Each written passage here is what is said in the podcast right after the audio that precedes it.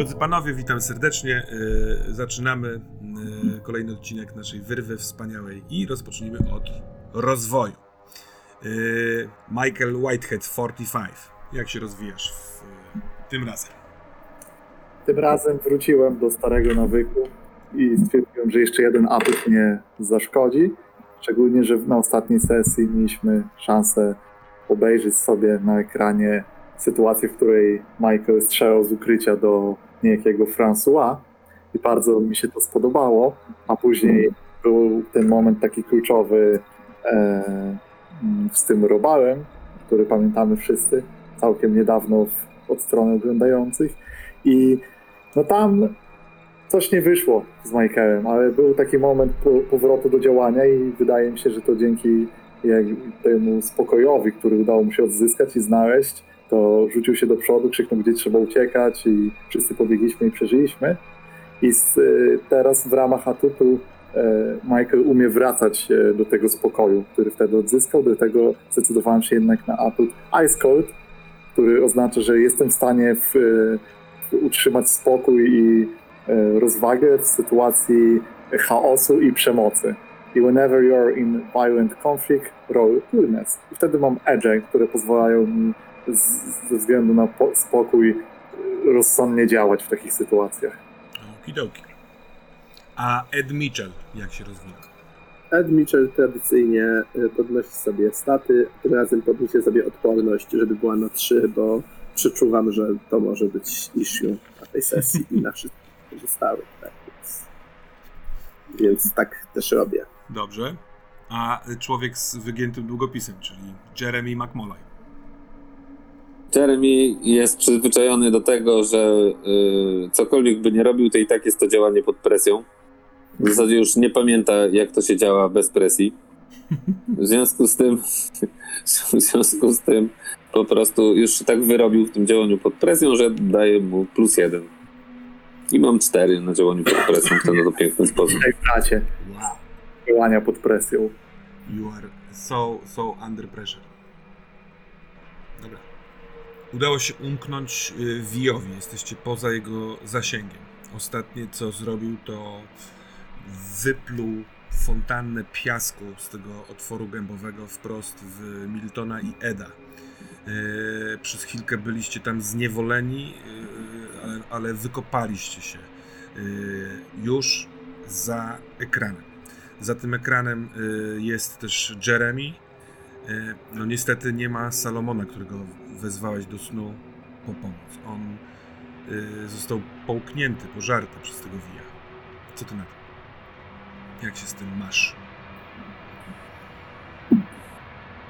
No ja bym chciał y, szarżować, że tak powiem, ale wiem, że jest to w tej sytuacji trochę nie do końca o to chodzi, a poza tym mam bardzo dużą nadzieję, że to jest tylko jeden z wielu Salomonów. Mhm, dobra.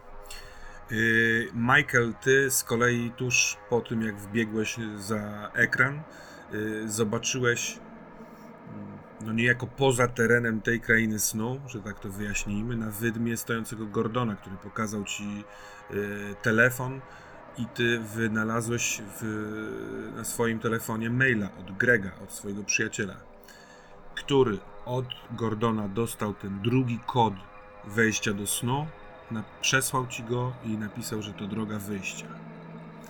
Zatem mamy y, czwórkę waszą za ekranem. Y, od tej strony na ekranie też widać oczywiście obraz projektowany, tylko że odwrotnie.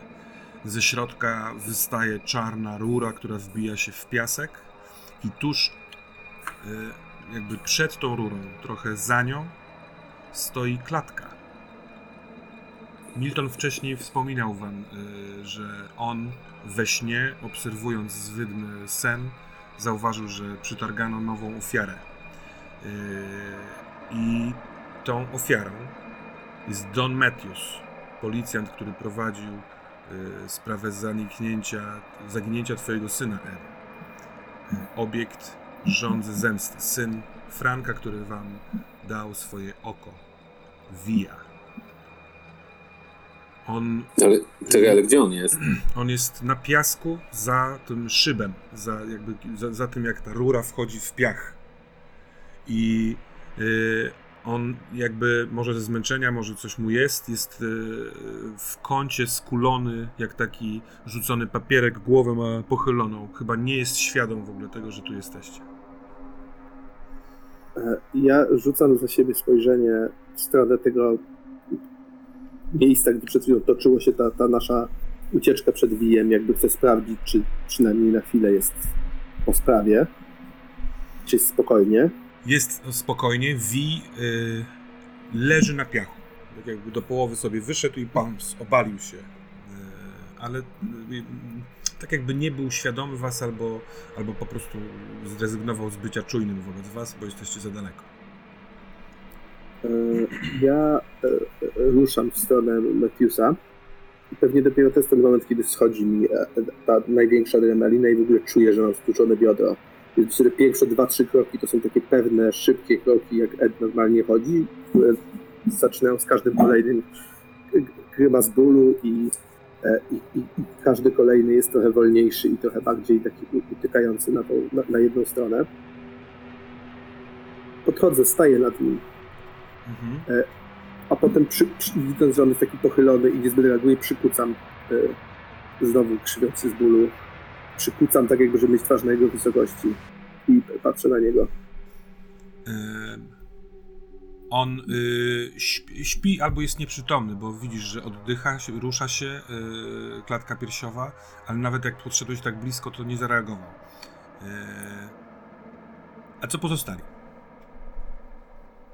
Milton, Ja Milton wi- idzie też za Edem, y, tak jakby, ale on bardziej przygląda się tej, tej rurze, temu, temu dziwnemu szybowi. No, Tak, ja też idę w stronę jednej strony Eda, ale bardziej nawet w stronę rury i słuchajcie, trzeba wymyślić jak tu wejść. Ja się zbliżam do tej rury, rzucając na nią oko, ale na chwilę, ale widząc tego winiarza, którego kojarzę jedynie ze szpitala, że był taki, wypytywał, z, chcę iść tam zerknąć i zobaczyć, jak ta kratka jest skonstruowana, jak, czy jest jakiś zamek, otwór, jak, jak to wygląda. Bo coś mi w głowie zaświtało. Więc y, y, tak. Jeśli chodzi o, tą, o, tą, y, o ten szyb, który badasz ty, Jeremy, z Miltonem, to to jest.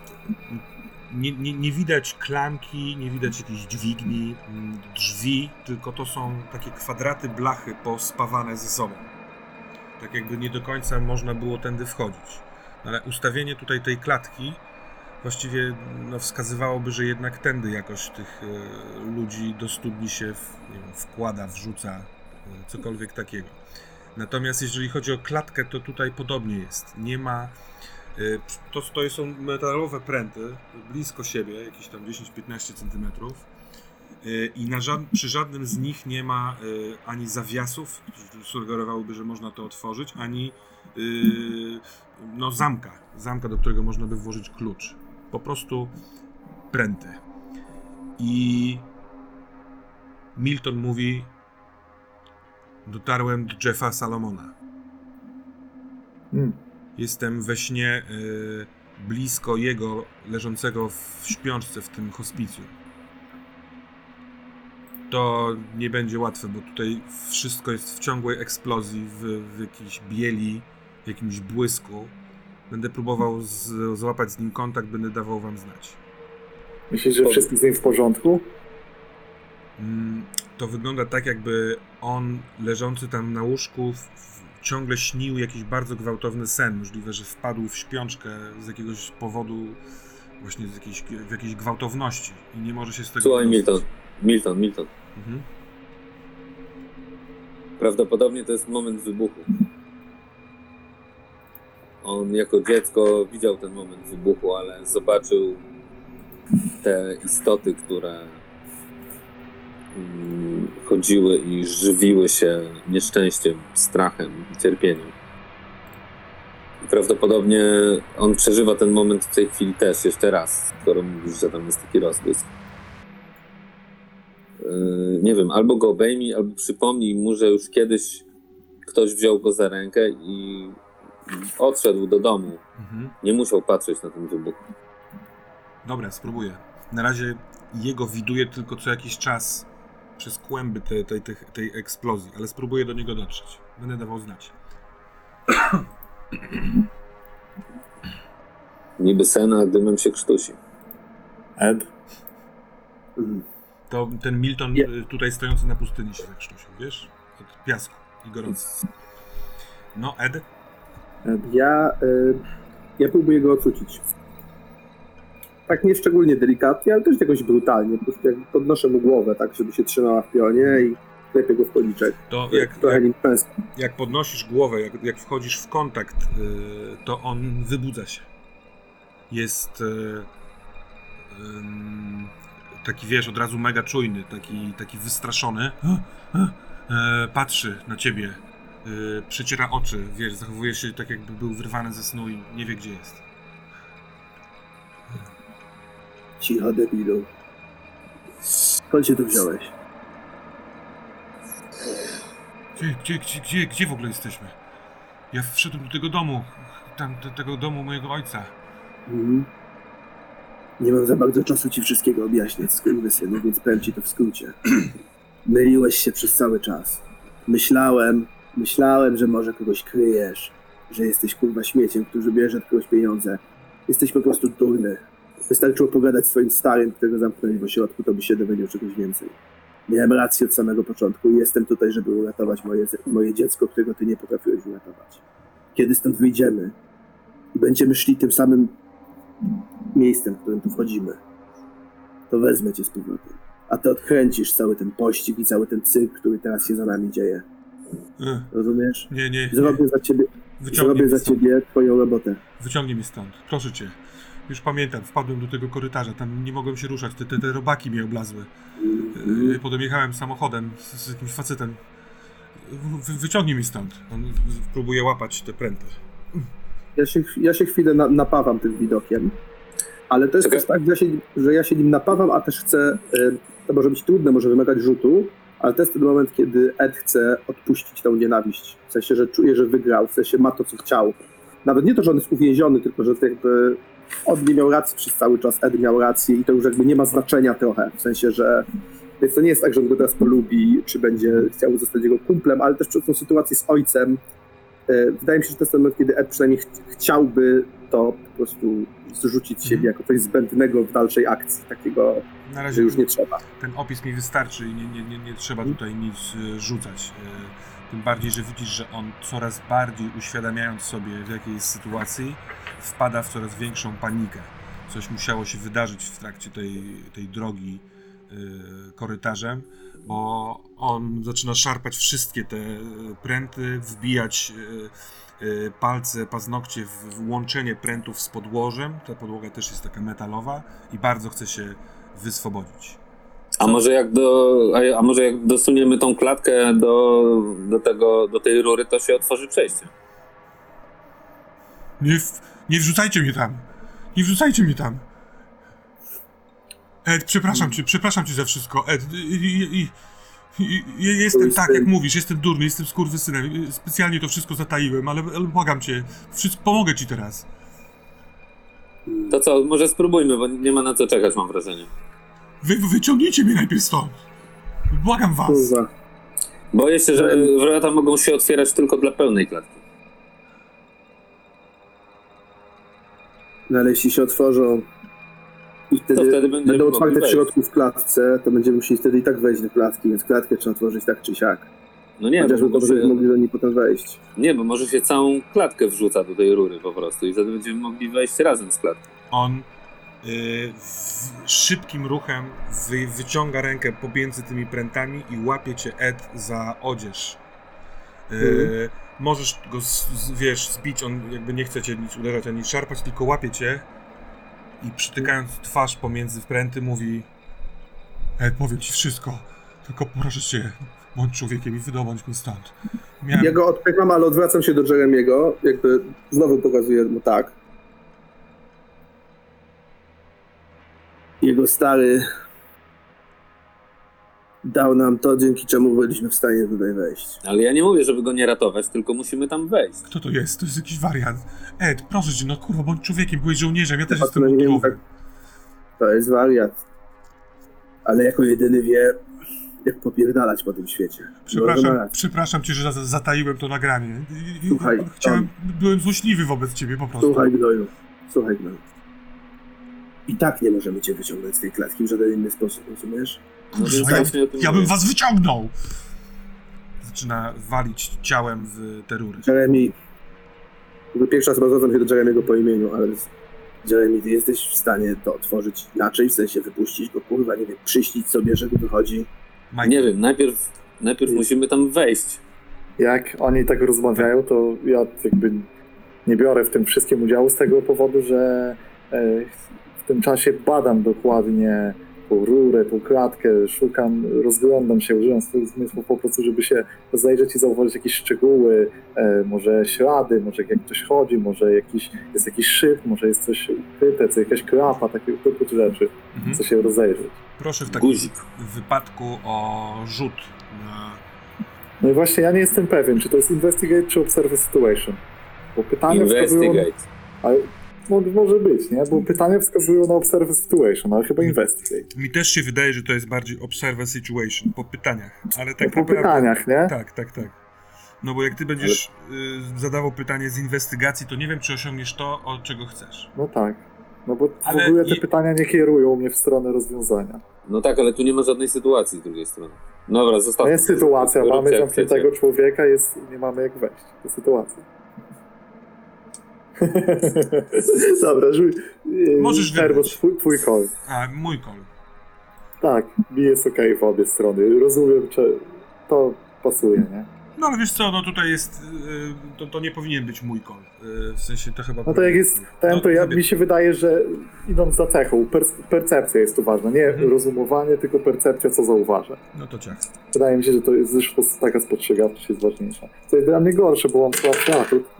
Rzuciłem okropnie. Rzuciłem sześć. Najgorsze kostki. Słabe rzuty. Ale i tak możesz zadać jedno pytanie, natomiast...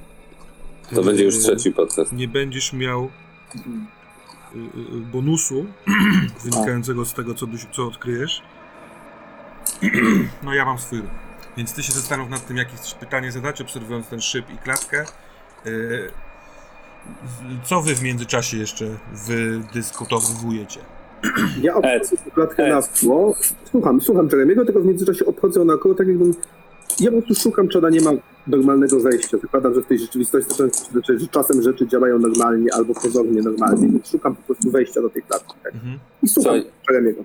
Weźmy po prostu tą klatkę i tylko przysuńmy do tej rury. Przecież nic więcej nie chce. Nie musimy go tam nawet wrzucać, tylko sprawdźmy, czy ta rura zareaguje na pełną klatkę. E, Kurwa, jak go wpierdoli do, tych, do, tych, do tej kolejnej z tych studni i co, będziemy musieli jeszcze jego ratować. Przecież i tak będziemy wszystkich ratować. To co to za różnica? Jeden więcej, jeden mniej. Ed, w trakcie tego, kiedy y, ty obchodzisz klatkę i a Jeremy mówi te słowa, to cały czas też chodzi za tobą, tylko od strony y, wnętrza klatki Don i mówi do ciebie. Najwyraźniej to, co postawa Jeremiego i to, co mówi Jeremy, po prostu go wystrasza straszliwie. I on Mhm. Czyni spowiedź. I pomiędzy słowami y, Jeremiego słyszysz to, co mówi on. Jeśli będziesz chciał przerwać to mówienie, to po prostu przerwij. Nie, Natomiast ja słucham. on mówi, że w trakcie śledztwa y, oczywiście wynaleźli y, nagranie, jak William idzie od y, twojego domu y, i te nagranie pokazywało drogę jego spaceru. I w momencie, kiedy docierało do starego, starych magazynów meblarskich, to pomiędzy jedną kamerą a drugą kamerą znikał. Więc jemu chodzi o to, że y, oni mieli bardzo zawężony y, areał śledztwa, ale nigdy ci tego nie powiedział dlatego, bo zachowywałeś się, się, się jak kutas i on po prostu w ten sposób chciał się na tobie y, zemścić, nie mówiąc ci wszystkiego. Wiesz, że w starym magazynie meblowym dom ma Jeremy oraz też już skądinąd wiesz, że po prostu William tam poszedł z jakiegoś powodu. Natomiast Mhm. to, co mówi teraz Don, sprawia, że e, podejmowana przed chwilką decyzja o odpuszczeniu teraz po prostu automatycznie rodzi twój disadvantage. Proszę cię o rzut na ścieżkę zemsty. Mhm. Dobrze. Możliwe, że w związku ze spadkiem stabilności masz jakiś minus do tego rzutu. Właśnie sobie patrzę na to. Y, Minus dwa do rzutów na komplikacje na tym etapie, jaki jestem. Maćku, hałasujesz troszkę. Przepraszam, już wyjmowałem stado kostek. Y, y, y, Już sobie pa- patrzę na to. Y, y, y. Revenge, tak, okej, mam minus dwa. Rzucam, jest to cztery, więc jest to na pewno minus dziewięć. Wow. Zrobienie rzuciłem czegokolwiek cztery. innego niż wywarcie zemsty na nim yy, wymaga od ciebie rzutu na wzięcie się w garść. To co? Po, to co, Ed? Bierzemy tą klatkę? Ja Tak, chcę to tam tak, klatkę żeby- i zaczynam próbować ją Tak, wsunąć do tej tak. rury. I to jest tak, że w pewnym momencie coś w Edzie coś kiedy on jakby klei te rzeczy do, do siebie, obchodząc, to będzie przystaje, odsuwa się o krok jakby od Dona, po czym patrzy na Jeremiego też trochę dziwnie, bo teraz mu się klei, że ten magazyn meblowy, ten rysunek u Jeremiego na ścianie, ale po prostu przepy- bez słowa Ed zaczyna przepychać tą klatkę razem z Jeremim w to miejsce, gdzie Dobra, w tym czasie, Michael, jakie ty pytanie? What is being hidden from me? Co, co to jest ukryte? Chcę coś ukrytego znaleźć. Coś, czego nie zauważyliśmy na pierwszy rzut oka. Mm. Wszystkie łączenia są identyczne. To, to, to szybko wygląda na to, że to nie jest robota, ktoś tego nie zespawał, tylko to jest wymyślone, wyimaginowane y, we śnie. Tak jakby miało się składać z, z tego. I ta, y, jakby z takich kawałków. To skojarzenie sprawia, że y, może rzeczywiście Jeremy ma rację, że chce wepchnąć tę klatkę, bo to może jest nierealne i robiąc to trochę tak jak się sprawdza, czy opona nie jest dziurawa w samochodzie i się kopie w tą oponę, to ty kopiesz w dół tej, tego szybu tak delikatnie, nie robiąc dźwięku, tylko sprawdzając. I kopiesz nie bezpośrednio w tę rurę, tylko w ukrytą pod powierzchnią piasku y, rączkę. I jak odsypujesz trochę tego piasku, to widzisz, że są dwie rączki, takie metalowe prostokąty, które można chwycić. Wygląda to trochę tak jak uchwyt, nie wiem, drzwi garażowych. Ej, ej, ej, stójcie, stójcie. Ma, znalazłem coś.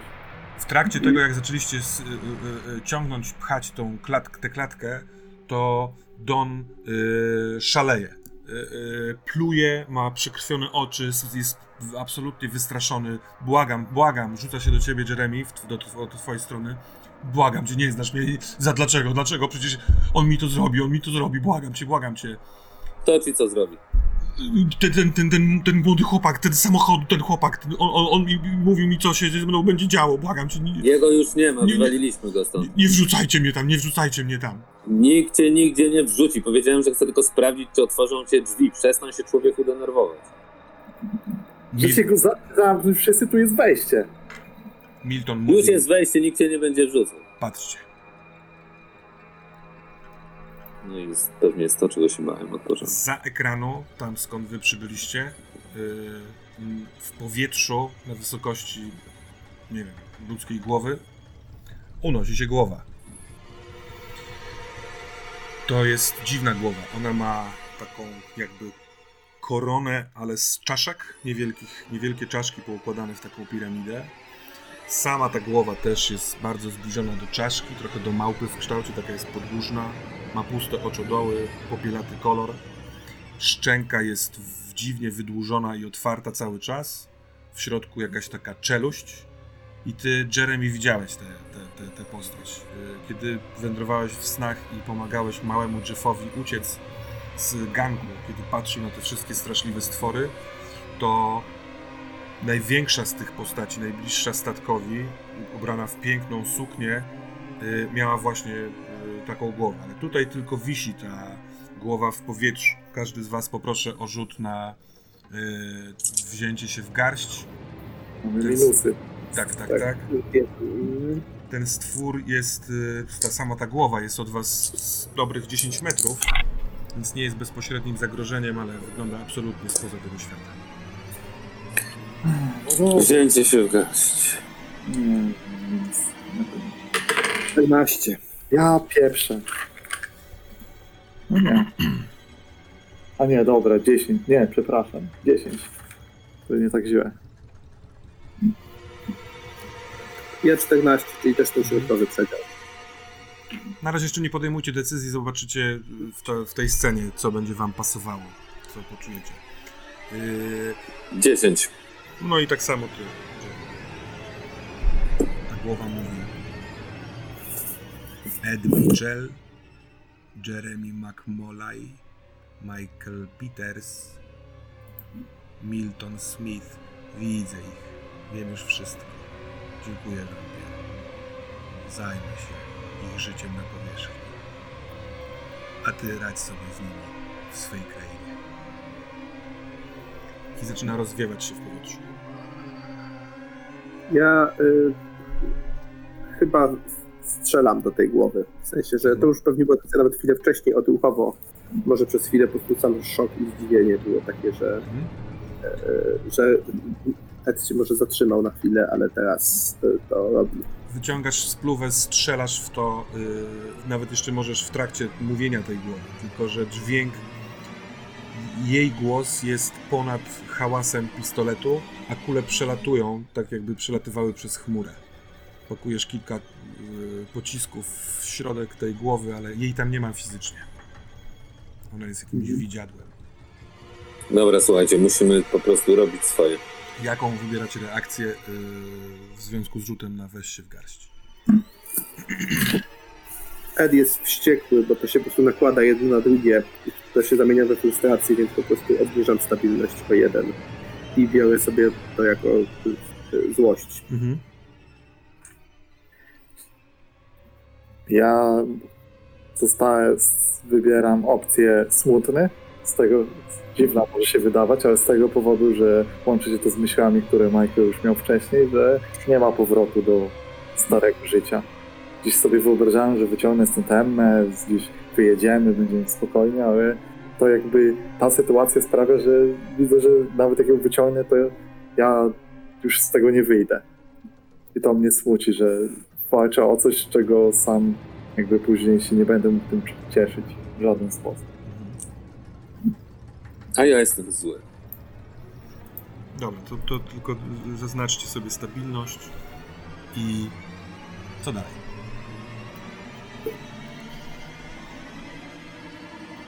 Już mnie E. zaczynają kurwiać. Tak. Tutaj są uchwyty, można wejść. I Możliwe, że odrobinę pomocne w tej całej sytuacji będzie to, że Don, który już wcześniej był na, e, że tak powiem, na jego psychika była na, wisiała na włosku na widok tego czegoś, po prostu zemdlał. Leży na tej, w tej klatce. Dobrze, otwórzmy to. Pociągasz za te rączki?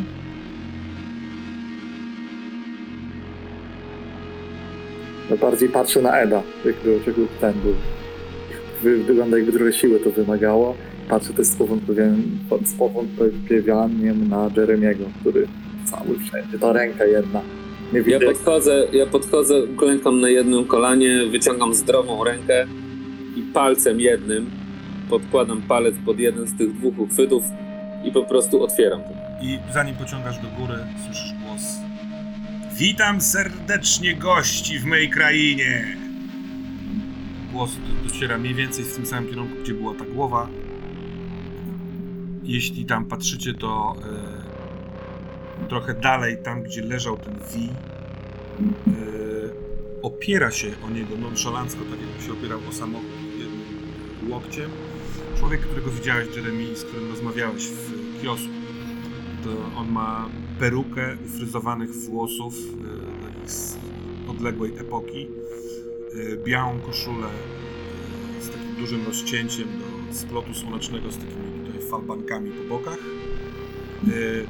materiałowe albo skórzane spodnie, przy nich chyba szpada albo coś takiego, jakiś rapier. On jest dosyć daleko. No to mamy króla tutaj tego zbiegowiska. To jest ten główny skurwysyn, tak? Tak, to jest właśnie główny pomagier jeszcze większego skurwysyna, ale z naszego punktu widzenia tak. Główny skurwysyn. Hm. Jean-Pierre, jeśli pozwolicie. Odbija się, Wypierdalaj. odwija i idzie w waszą stronę. Takim... No, majta biodrami, jakby był na pokazie mody. Idzie wolno wije się, Ja- uśmiecha się cały czas. Szeptam, zajmijcie go, wyciągnę wszystkich. Tak czy owak kontynuuje otwieranie tej klapy palcem.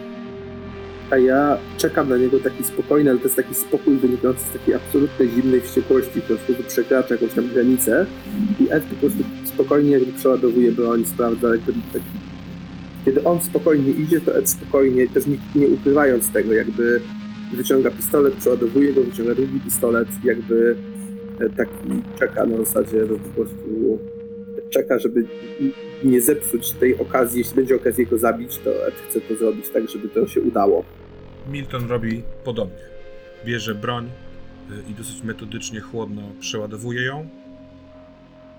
Y, Jeremy, czujesz, że totalnie możesz to zrobić jednym palcem. To nie jest lekkie jak piórko, tylko to jest na tyle ciężkie, że możesz to zaprzeć się i otwierać to tym jednym palcem. Tylko, że tak jakby to było bardzo nienaoliwione albo zapiaszczone i tak ruch będzie powolny. To nie, to odpuszczam, to wstaję i odwracam się w, stro- w- w stronę tego żąpiera. To Jak to ja otwieram. Jak widzę, że on puszcza, bo staram się nie, star, prawda jest taka, że staram się nie zwracać na siebie uwagi, co pewnie jest niemożliwe, ale i tak się staram. Dobra. I staram się zamienić moją rękę w rękę wilkołaka. Sierść i szpony? Tak. Mhm. Ach, ga, goście. Przyszli i chcą wkraść się do pokoju, do którego nikt nie zaprosił. Będą uwalniać swoich bliskich, psuć mi interes? O nie, tak łatwo. On czyni gest oboma rę- rękoma od boku, tak jakby unosił coś. I kiedy unosi te ręce, to całkiem możliwe, że zmienia się to, co widzicie, albo gdzie jesteście. Poproszę Was e, wszystkich o rzut na e, patrz, patrz przez iluzję.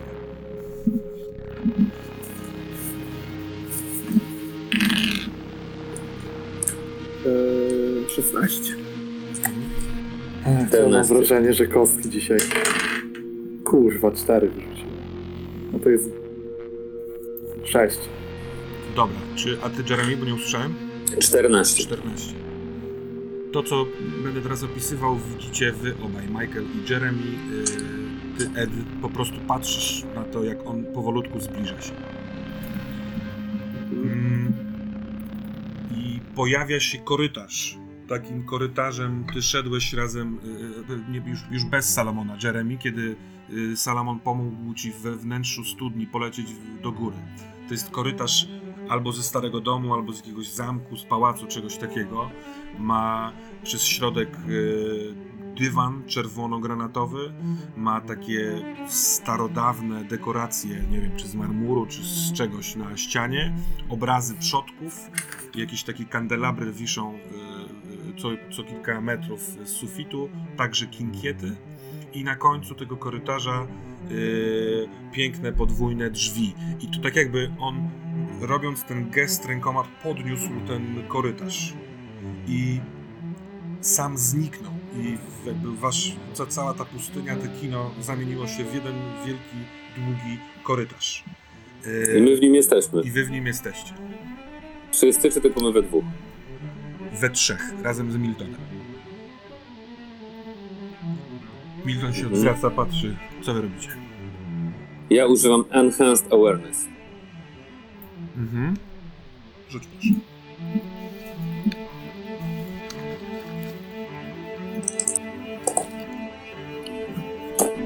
Już można dostać szału po prostu. 12. Some basic impression regarding location.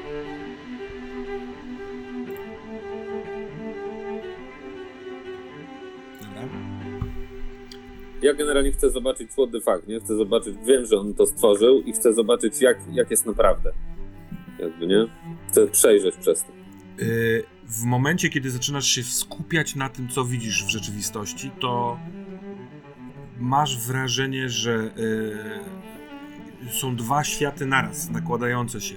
Pojawia ci się na przykład stare biurko, na którym jest taki y, mechaniczny przyrząd do odbijania biletów, taki dziurkacz. Ale on znika. a z, tutaj z drugiej strony widzisz e, czajnik na takim stoliku, obok kubek i słoik z kawą. Zit to miga i to są tak jakby rzeczy na ścianach tego korytarza. Natomiast jednocześnie widzisz ty, ale także ty, Michael, że to nie wy idziecie do tych drzwi, tylko korytarz przesuwa się, tak jakbyście się ciągle musieli zbliżać do tych drzwi. Tak jakby to była ruchoma podłoga. I to, co się tobie dzieje, Jeremy, to masz wrażenie, że tak naprawdę jesteście w wnętrzu tego kiosku, w którym rozmawiałeś z nim. On, on wtedy był w tym kiosku, sprzedawał bilety. Chwytam jedną z tych rzeczy, y, która mi się na chwilę pojawia. Ręką po prostu staram się Co to, co to masz, co, to, co chcesz, żeby to było? Kasa. W sensie Taka taka, tak, taka szafka na pieniądze? Czy, czy Tak, ten taki wy, wybijany? Tak, tak. Taki wybijany pół, półokrągłym, takim starodawnym tym, z takimi e, klawiszami, które się od góry naciska trochę jak na maszynie do pisania. Taka starodawna kasa e, na tym. I w momencie, kiedy Niebieska to, z takimi srebrnymi złoceniami. w momencie, kiedy to chwytasz, stoisz przy szybie, obok jest y, Ed, nie ma z wami Michaela i Miltona, a kilka metrów od was zatrzymuje się Jean-Pierre z uśmiechem. Zaraz do was przejdziemy, ale dokończmy kwestię korytarza. Mhm. Michael, ty z Miltonem, y, Milton próbuje iść do tyłu, tak jakby nie zbliżać się do tych drzwi. Ja widzę, że zniknął Jeremy Tak. po chwili. Coś zrobił jakiś ruch, tak? I zniknął. Coś... Tak, on, on, on się ten? zwrócił y, w stronę ściany, ale y, to, to się dzieje w sekundę, więc to, to zbliżanie się drzwi było zbyt absorbujące, żebyś dokładnie widział, co on tam robi. To ja chcę. Ja nie wiem, jak to działa. Jestem. y, Nie wiem w ogóle, co tu się dzieje. Nie rozumiem tego, co się ten. Więc ja chcę złapać Miltona i chcę jakby szósty zmysł wykorzystać, żeby odkryć jakiś y, z, y, cokolwiek, co, na co mogę się zawiesić. Jakby chcę swoje użycie na ten disco, bo jestem off track. Aha, Jakąś ale wskazówkę, cokolwiek. Nie mówię, że to mnie uratuje, ale jakikolwiek punkt, który mogę się zaczepić i działać, żeby uciec z tej sytuacji. Bo później mogę, mógłbym w teorii rzucić później na asset, y, bo mam escape artist, że wtedy, że no, jestem mistrzem uciekania.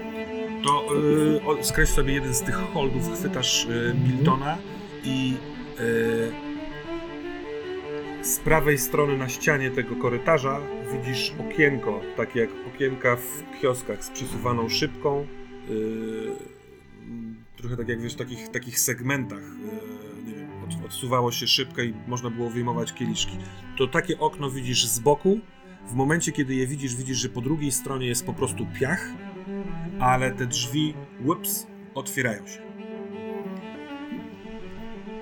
Zaraz. Yy, przy szybie. Ed, Jeremy. On się zatrzymał. Ja, kiedy tylko bo, kiedy on tylko pod, podniósł te ręce, że dla mnie nic się nie zmieniło za bardzo, Dla ciebie się nic nie zmieniło o tyle, że zniknęli Jeremy, Milton i Whitehead, a po sekundzie Jeremy jakby pojawił się na nowo. ja myślę, że prawie tego nie zauważyłem, bo ja mam już takie tunelowe widzenie w tej swojej e, pragnieniu zemsty, Mhm. że ja po prostu widząc, że on podnosi ręce, że coś robi, to ja w tym momencie do niego strzelam. Mhm. W sensie, zakładam, że i tak to zrobił, ale że kiedy ja widzę, że on wykonuje w ogóle jakiś gest, to strzelam do niego. Ja staram się strzelać do niego tak jak na, na wojnie, w sensie, że nie próbuję efektownie trafić w głowę, tylko raczej wpakować mu cały magazynek w klatkę piersiową, bo tam jest najłatwiej trafić i tak się to robi fachowo. Proszę bardzo. Rzuć proszę na Engage in Combat. To się rzuca na przemoc. Yy. A, w ogóle to będzie teraz, teraz będzie klasyczne RPG-owe targowanko. Ale czy w związku z faktem, że on przed chwilą stał oparty o tego Wija, jakby ten Wii to był jego, nie wiem, zabawka albo coś, co do niego należy, e, albo czy jakby ja zobaczyłem, że on ma absolutną kontrolę nad tym Wijem, albo przynajmniej w ogóle się go nie boi, to czy ja mogę przenieść moje zranienie przez Wija i użyć mojego, e, e, mojego asetu, e, Mhm. jego Oko za oko? tak, Tak, tak, nie wiem, nie będę się tak super. możesz to zrobić. Dobra łasica, popieram. Czyli mam. E, e, czyli mam plus dwa przeciwko Mhm. nie. No to rzucam, czyli mam plus 5. Niewiele więcej da się w tej grze mieć, więc no, dobrze. No jest to jedyne 7, ale po dodaniu plus 5 to już jest 12, więc jesteśmy w krainie, gdzie coś się dzieje. Kraina, gdzie coś się dzieje. Mhm. Cudownie. Dobra. To jest chyba fajne. Dobrze. Yy, Kule wpadają w jego, w biel jego klatki piersiowej, w biel na koszuli yy, i w, te, w takie wcięcie w, normalnie w ciało. Masz wrażenie, że one, no nie wiem, yy, że widzisz malutką eksplozję ciała albo koszuli, tylko brak krwi. Tak jakby te pociski absorbują, znaczy wpadają do środka. On robi za każdym razem krok do tyłu. Niestety jego uśmiech cały czas nie schodzi z twarzy, a on robi znów gest ręką i proszę cię o rzut na y, spoglądanie przez iluzję znowu, Ed. 13. Yy, 13. Twój pistolet po wystrzeleniu trzech, czterech pocisków zamienia się w rapier. Masz w dłoni, yy, wiesz, trzymasz normalnie za rękojeść rapiera, taką masz yy, blaszaną yy, zabezpieczenie od palców, wycelowaną w niego, a on mówi wreszcie i wyciąga swój rapier. W środku tego korytarza, w, momencie, w pewnym momencie słyszycie strzały. Głośne i z wnętrza tego pomieszczenia, którego drzwi się otwierają, słyszycie dźwiękową reakcję na to. To jest bólu, nie tyle krzyk, co jęk. Taki głos wydaje się być bardzo starczy. Eee, I drzwi są powiedzmy w połowie się otwierają. Więc y, co ty robisz, Michael, w związku z odkryciem tego okienka? Ja już e, mam tylko cel przed sobą i trzymając Newtona jeszcze tędy i chcę e, wyjść przez to okno, wyślizgnąć się, z, po, podbić do niego najbliżej jak się da i ciągnąć Newtona, spróbować je otworzyć, wybić cokolwiek i uciec. Nawet nie, nawet nie zerkam na te drzwi, już po prostu to, Dobrze. pięknie. To yy, wiesz co, no, wydaje ci się, że nie wiem, wypchnięcie tych szybek najpierw jest pomysłem. One są, Mhm. to nie jest bardzo duże okno, ale powinieneś się ty na pewno zmieścić. Milton jest przypakowany, więc nie wiadomo, czy, czy wejdzie. Czy chcesz sam pierwszy wychodzić, czy chcesz najpierw go pomóc go wypchnąć?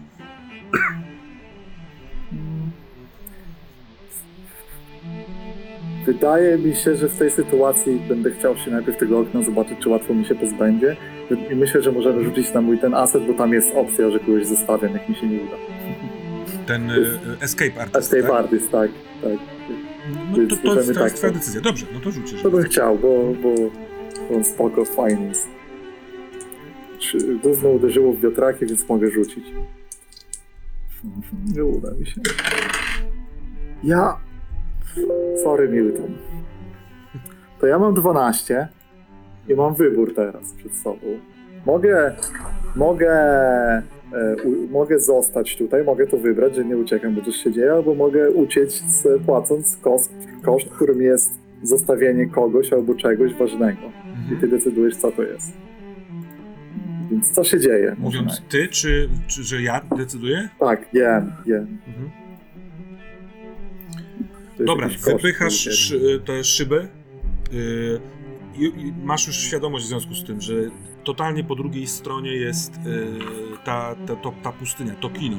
Bo widzisz ko- kładkę, czujesz powietrze te pustynne i yy, na szczęście tobie, bo, bo tobie będzie to pomocne, po drugiej stronie tego, tego, tej przyczepy, tego, tego trailera jest coś w stylu lady. Tak jakby ktoś, kto przychodzi do okienka kupić bilet, mógłby sobie oprzeć tam oto torebkę. Rozumiesz, taki malutki parapecik. Z twojej perspektywy to jest o tyle pomocne, że możesz się go złapać rękoma i y, wypchnąć, wyciągnąć się stamtąd. I w trakcie tego, kiedy to robisz, y, słyszysz z wnętrza tych y, drzwi, które się otworzyły do końca, y, tak jakby ktoś miał zaknoble- zakneblowane usta, ale coś krzyczy. Głos jest y, bardzo starczy, taki harczący i czujesz jak tyłek jest, twój tyłek jest wypychany przez Miltona. Milton ci pomaga. I W związku z tym, że ciasne jest to przejście, wydostając się, czujesz jak z pasa y, wywalony zostaje twój pistolet. Rozumiesz? Magnum zahaczył o górę tego okienka i wypada tam do wnętrza tego korytarza. No, Już go straciłem chyba, wiesz? Przy tym piasku. wszystkie drogi ale- do Miltona. Ale, ale chcę powiedzieć ci, że miałem też drugą spróbę, której i ją też, i teraz jak ją stracę, to już będę w ogóle bez No to, tą to, to, drugą, tego. drugą, y, drugą A. spluwę. Wy, wypada, wypadasz na zewnątrz. Ed i Jeremy. On idzie już takim trochę szybszym krokiem, z wyciągniętą bronią, wycelowaną w ciebie Ed. Co robisz, Jeremy? Ja zamieniam się całkowicie w wilkołaka i z całych sił w płucach wyję. I moje wycie to jest nawoływanie. Chcę się przedostać przez wszystkie te świata snów, światy snów, whatever to jest, cokolwiek to jest, ale po prostu chcę, żebym był słyszalny we wszystkich światach snów, jakie są tylko możliwe. I z, ze złością, z wściekłością, z, z, też z takim z taką siłą, która się odbija od takiego dna bezradności po prostu, bo ja od początku wiedziałem, że on tu przyjdzie i że my nie zdążymy. I wyję i wołam w tym wyciu tej kobiety, o której opowiadał mi Salomon. Chcę, żeby to wycie do niej dotarło i żeby tutaj przyszła. Nawołuję. Mm, no, jest w tym element beznadziejności, bo ty nie wiesz, kogo nawołujesz. Nie wiesz, jak ona wygląda. Nie wiem. Wiesz tylko, że jeździła taksówką z Jeffem Salomonem. I wiem, że jest kimś w rodzaju kogoś takiego, tak sobie wyobrażam to, że jest kimś w rodzaju kogoś takiego jak, jak ta postać, która, której głowa pokazała się y, na moment i nas tam wytknęła i powiedziała, że ten. Ja sobie wyobrażam, że to jest ktoś taki, tylko że z drugiej strony. I w związku z tym po prostu wyję do niej przez, przez sny. Rzuć proszę na swój śniący. Zobaczymy, jak wyjdzie całość tej twojej intencji. 17. Jeremy, czujesz, jak rośnie ci ciało, jak ten temblak pęka, jak ramię jest zdrowe absolutnie, jesteś wielki, ten ryk właściwie sprawia ten, te, te, te, to, to, że się zmieniasz. Wycie y, wilka rośnie, rośnie, rośnie, wykrzykuje, wykrzykuje, wykrzykuje i y, dostrzegasz na niebie, błękitnym niebie, wysoko nad tym y, zbliżającym się Jean-Pierre'em, twarz Salomona.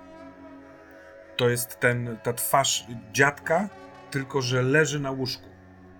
Leży i śpi i miota się i mówi Jeremy, musisz przyjść do mnie do hospicjum, Jeremy. Musisz przyjść do hospicjum. I na I ten, widzę go tam, na tym tak, niebie? widzisz na niebie, tak jakby y, ka- był kamerowany z góry na to łóżko, y, więc taki obraz widzisz, taki film. To wszystko jest filmem, jak się okazuje. Co robisz, Ed?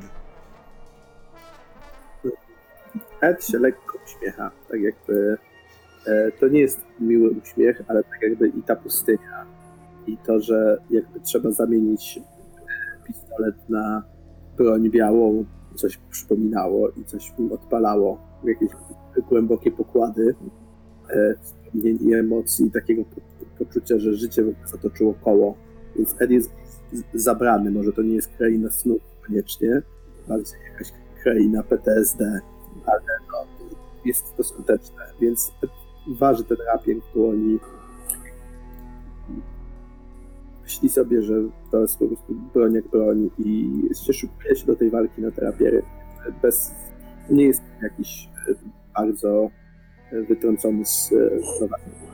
Mhm. Czuję, że po prostu to samo się znów powtarza w dziwny sposób i trzeba znów zrobić to, co on zrobił wtedy w Iraku. On, y, widząc tą twoją gotowość, uśmiecha się jeszcze szerzej i wiesz, przyjmuje taką fechmistrzowską, szermier szermierczą pozycję, wiesz. Przednia noga lekko ugięta, oparł się na tylnej, wyciągnął przed siebie rapier i widzisz, że y, no widać, że jest wyćwiczony w tym. I możliwe, że dlatego tak sobie to wszystko organizuje, żeby się tym pobawić. Jeremy, zwróciłeś tylko uwagę, że kiedy ty zawyłeś i przez chwilkę zapatrzyłeś się y, tam nad jego głowę, to ten obraz Salomona powoli się roz, zaczyna rozwiewać, ale kątem oka widzisz, dobrze, dobrze, tylko że y, ten Jean-Pierre to dostrzegł, w sensie on zobaczył, że ty coś zrobiłeś, zwrócił na ciebie uwagę, ale bardziej skupiony na Edzie. A ty, Jeremy? A ja wykonuję skok przez księżyc. A roz... Czyli skaczę tam, skaczę w to, w, to, w tego Salomona, w ten okrąg z tego Salomona i chcę przez niego przeskoczyć do niego. Dobra, to proszę cię o jeszcze jeden rzut na śniącego. Dodajesz dusza.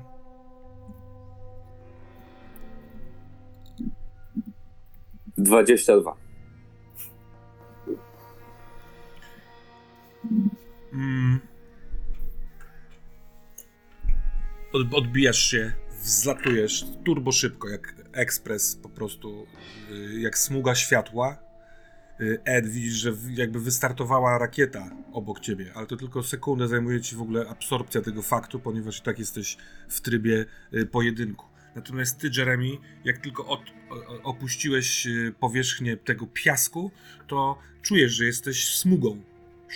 Wzbiłeś się, wszedłeś w ten obraz jeszcze y, dopóki tkwił zarys Jeffa, bo on zaczął niknąć. I masz wrażenie, że w momencie wejścia w, te, w ten obraz na niebie przelatujesz, no przez ułamek sekundy czujesz, przelatujesz obok kłębiących się e, dymów i świateł eksplozji i Miltona, który próbuje y, odgarniać tak jakby pył, ale to trwa moment, a ty Bęc wpadasz do pokoju w hospicjum, jesteś sobą, nie wilkiem, natomiast e, absolutnie poza kontrolą jest e, proces lądowania.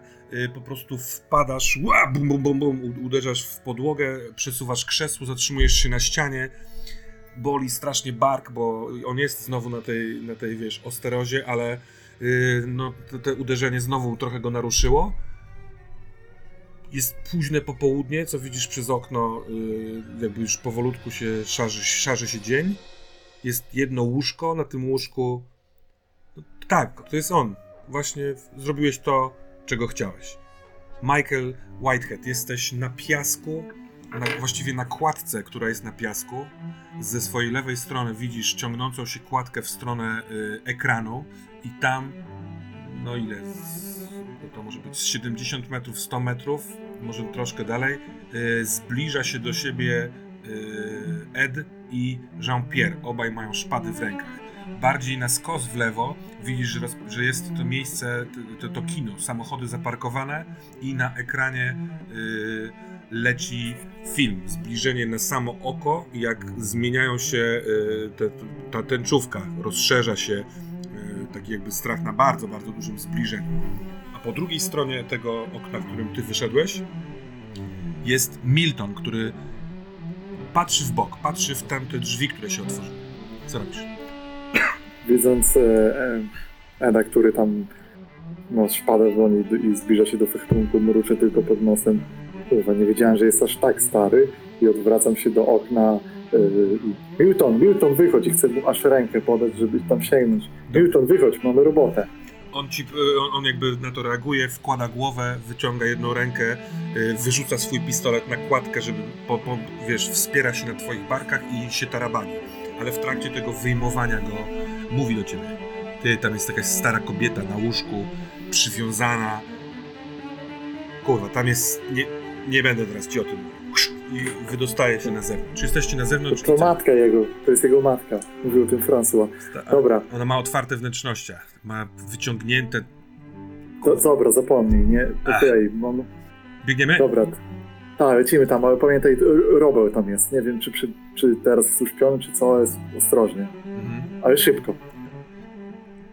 Ed. On doskakuje, e, szuka, wiesz, miejsca, gdzie, w, gdzie zrobić e, e, pchnięcie. Co robisz? Walczymy? Czy chcesz unikać? E, nie, ja myślę, że e, nie mam takiej zręczności, nie znam się na tej broni tak mocno tak bardzo.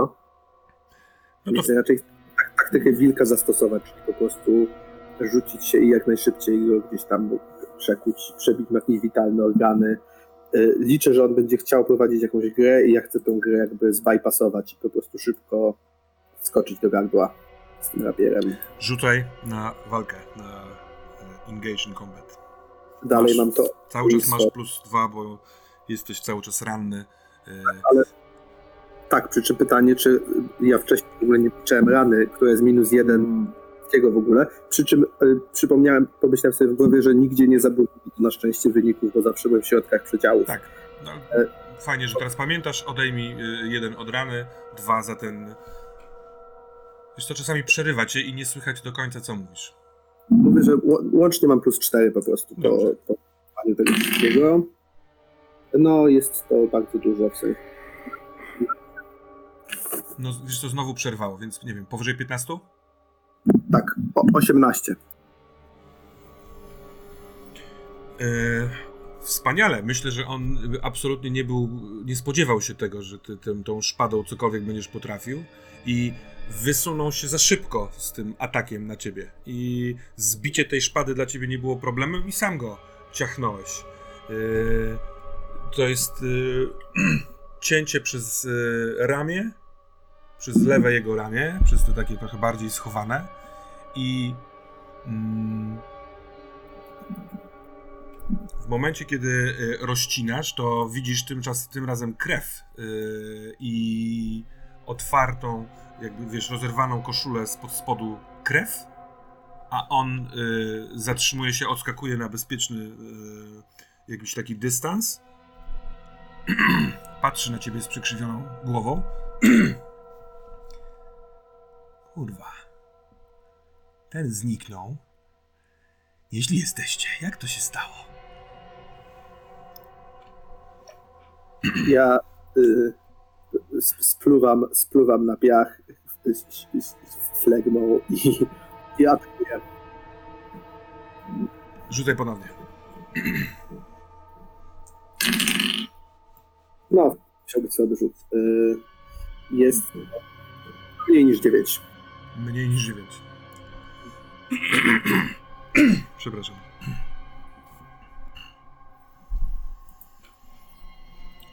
Mm. Dobra. Ruszasz y, z atakiem.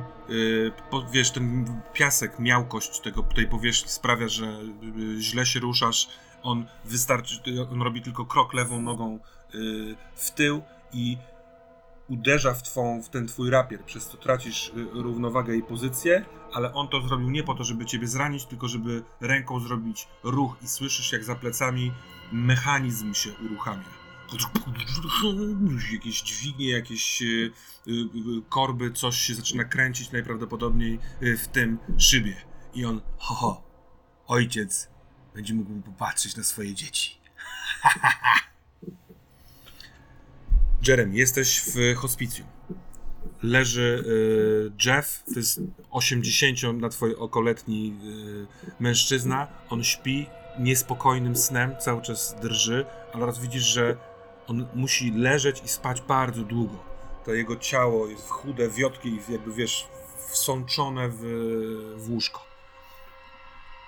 Łapię go za rękę, Mhm. podchodzę do niego, łapię go za rękę, nachylam się do niego i do ucha mu mówię: Jeff, jestem tutaj. To ja. Obudź się. Jak jesteś blisko i mówisz, to czujesz mocno zapach tej taki star, starczo lekarski, ale po chwili, kiedy to mówisz, on dr- drżą, drżą mu cały czas zamknięte powieki, on się nie przebudza, ale ty zaczynasz fizycznie czuć zapach snu. Tak jakby z niego, nie wiem, emanował ten sen, yy, unosił się jak taką aurą. Jesteś na tyle blisko, że czujesz to nosem. Zamykam oczy i wciągam głęboko to powietrze i przenoszę się do tego snu po prostu. Chcę tam wejść. Okej. Whitehead. Biegniecie z Miltonem i y, V reaguje natychmiastowo, tak jak to przewidziałeś. Y, Najpierw wznosi się, znowu jest jak taka, y, jak taki słup. Widząc, y, gdzie jesteście, uderza w waszą stronę. wygląda na to, że e, będzie chciał was albo pochwycić tą swoją szczękę, albo uderzyć tym łbem, czy czymkolwiek to coś jest. Chętnie bym jednak nie chciał, żeby mnie uderzył, dlatego y, wydaje mi się, że uniknę. Y, W sensie y, rzucasz avoid y, harm, tak? Czy korzystasz z któregoś ze swoich asetów? Bo ty chyba jeszcze takie rzeczy masz. No mam dużo takich rzeczy, ale w, y, nie wydaje mi się, że było uzasadnione ich użycie, No to dobrze. ponieważ nie jestem jeszcze w aż tak złej sytuacji, po prostu. No to w takim razie rzucaj na avoid harm. Mhm. Dobra. Okej, to bardzo dobrze. To będzie powyżej 15 spokojnie. Dobra. To więc y, obaj chyba macie już wprawę w tej sytuacji. To sprawia, że nie, nie, paraliżuje was sam widok. Jego łeb y, wbija się w tą kładkę otwartą jamą. Ty y, w- skaczesz do przodu, przez co unikasz tego y, chapsnięcia, a Milton zatrzymał się w odpowiednim momencie. Y, łeb zagryza tą kładkę w, pomiędzy wami. Jako, że nie trafił, to od razu Wings prostuje się do, do tej swojej pozycji bezpiecznej. Jesteście mniej więcej w połowie drogi. Dawaj, dawaj, dawaj, naprzód. I, i, idę. I tym razem pamiętam jeszcze te swoje zdenerwowanie e, wcześniej z powodu tego wieju. Po prostu ja przed siebie lecę, no, nie patrzę na niego, bo wiem, że jeśli tam spojrzę, to znowu może mnie złapać ten dziwny Mhm. czar, Czar. albo tak naprawdę psychika, która mnie zatrzymała wtedy. Więc się nie oglądam, bo na słuch, jeśli będzie robił zamach, będę skakał. Ed, co robisz? Ja nie patrzę za siebie na ten mechanizm, jestem cały jakby skupiony na walce. Ja wiem, że to jest on. E, Ja jeszcze już mam swoje podejrzenia y, różne i galopują przez głowę i też nie wszystkie spycham, żeby być jedną rzeczą w jednym czasie. E, I próbuję ja teraz próbuję e, jak stawić się w dobrej pozycji, w sensie przypomniało mi się, że na piasku, ale przecież ja byłem na piasku już wiele razy w życiu, więc trochę absolutnie nie wycofuję się z walki, natomiast chcę trochę jakby ustawić, y, trochę go trochę obejrzeć, zobaczyć ile mu robi ta rana, w sensie też złapać w ogóle. Chcę jakby zrobić takie y, taką pracę nóg, że ustawić się szeroko na nogach z tym rapierem, obserwować go uważnie, stawiać co robi, jaki jest następny krok, czy on w ogóle będzie teraz sterował tą maszyną, czy on się rozproszy, czy co, czy łapie oddech, ale, nie, ale tak spiny bardzo, w sensie, że chce się ustawić w dobrej pozycji, chce go mieć idealnie na i tak dalej. Mhm. Trochę, za, trochę nie wiem, co tam chce ruch. Czy to w ogóle jest ruch. Wydaje mi się, że to, że to jest, y, że to niekoniecznie jest ruch, tylko no, fabuła. On y, też nie atakuje. On z tym swoim parszywym uśmiechem, z rapierem wykierowanym w dół w skos na wysokości twoich bioder, też zaczyna krążyć, tak jakby złapać odpowiednie miejsce. Ale w połowie, znaczy w pewnym momencie widzisz, że on tak w taką stronę idzie, że ty chcąc być cały czas face to face z nim, zaczynasz też mieć nad nim ekran od tyłu, Mhm. a na tym ekranie jest Geraldine. E, ona trzyma twarz w rękach i trochę tak jakby chciała zdjąć skórę z twarzy. E, Na, zabielone te knykcie ściskają skórę, e, jakby próbując się rozdrapywać. E, Oczy są szeroko otwarte i na coś patrzą i powtarzając nie, nie, co słyszysz takim doskonałym systemem nagłośnienia w tym y, kinie, unosi się nad całą pustynią i musisz rzucić na wzięcie się w garść. Okej.